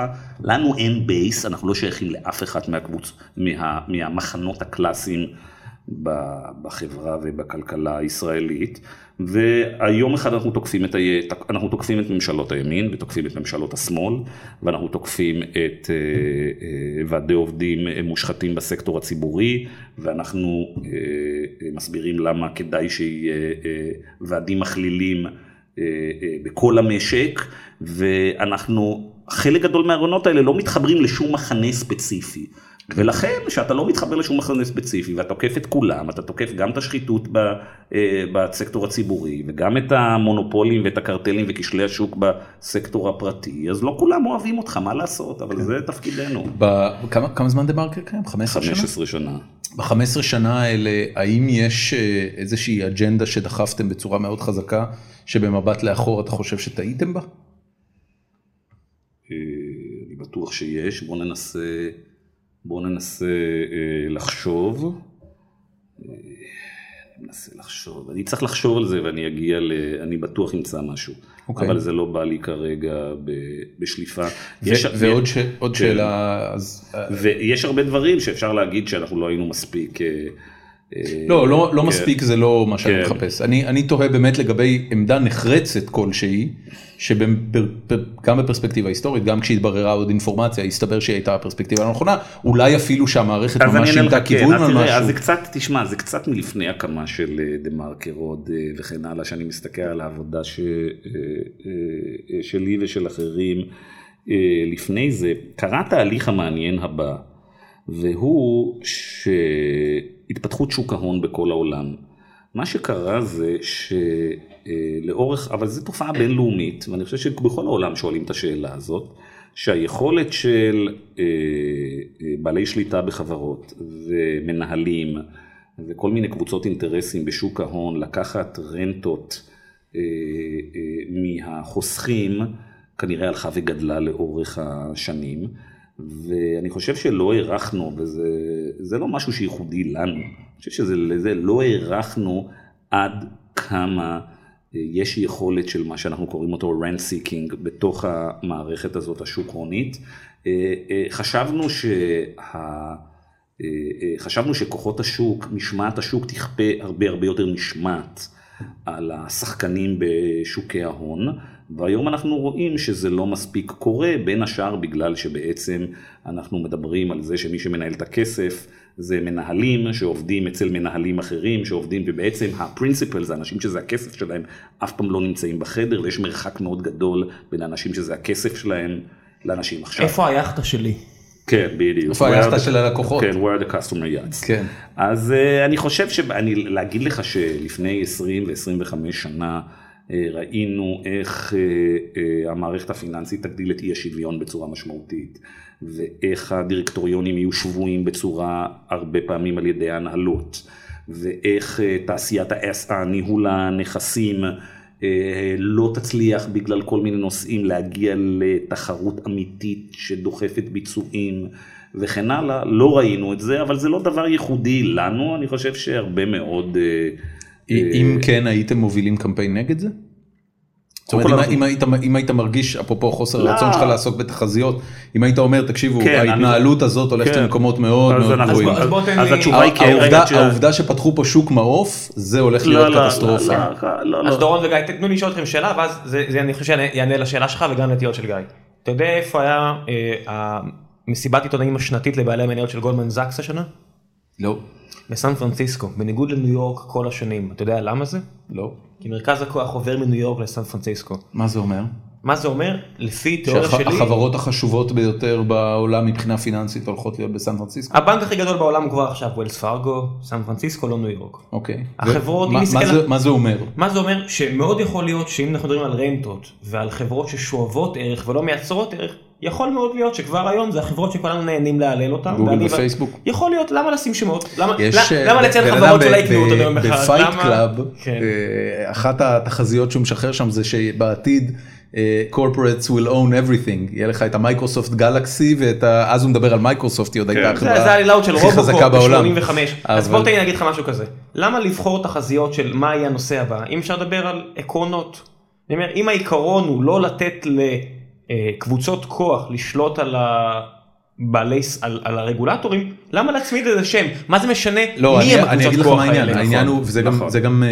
ראם uh, מאוד צודק, כי כל פעם אנחנו רוצים להפוך, uh, יש נטייה לקחת, אומר, תהיו בני אדם. לקחת את הווילן התורן ולהגיד זה בעיה, ואז הווילן מתחלף ויש לנו מישהו אחר שיש לו את כל הכוח, והוא משבש את השוק ומשבש את המריטוקרטיה ומשבש את ההון החברתי ואת כל הדברים הטובים שאנחנו רוצים. אז באמת צריך להתמקד בשאלה של כוח ריכוזי זה דבר תמיד משחית, ובזה צריך... ובזה המרקר עוסק שוב ושוב ושוב ושוב מיום הקמתו. כן.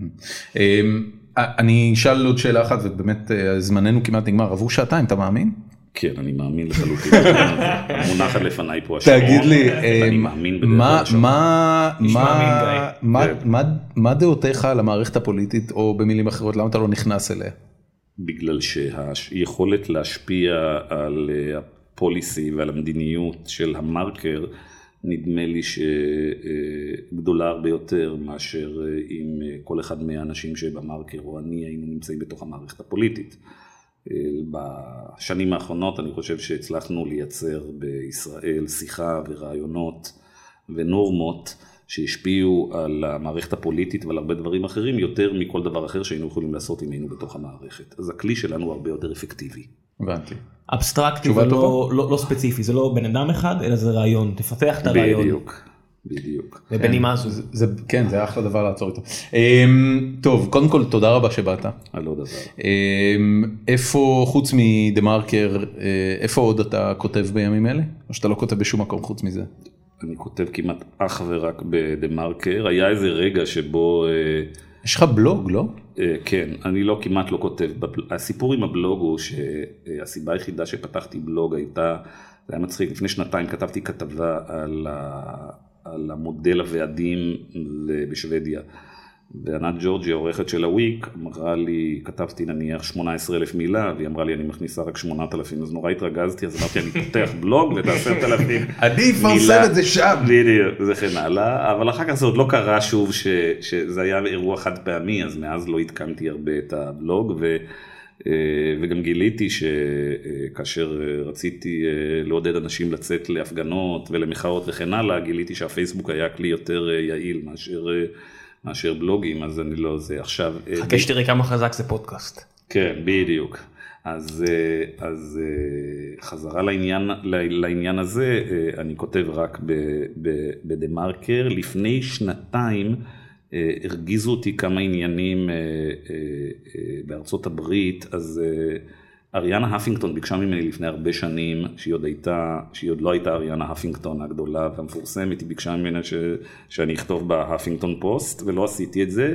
ויום אחד משהו הרגיז אותי, אני לא זוכר מה, ושלחתי לה מייל ואמרתי לה, אני כותב עכשיו זה, והיא ענתה לי בבום ומיד וכן הלאה, והעליתי אה, הנה אה, מבטא משהו. הונגרי המוזר. מה זה? רגע, רגע, אז- אז לא, יש לא, כתבה זה של- יווניה. יווניה סליחה. כן. יש כתבה שלך ב- בהפינגטון פוסט? יש כמה כתבות כאלה, אה, לא הרבה, כי אני לא מוצא לזה וחוץ. מזה הרצאות ודברים כאלה? אני נותן הרבה הרבה איפה אפשר. לעקוב אחרי זה? איפה הלו"ז הכי טוב?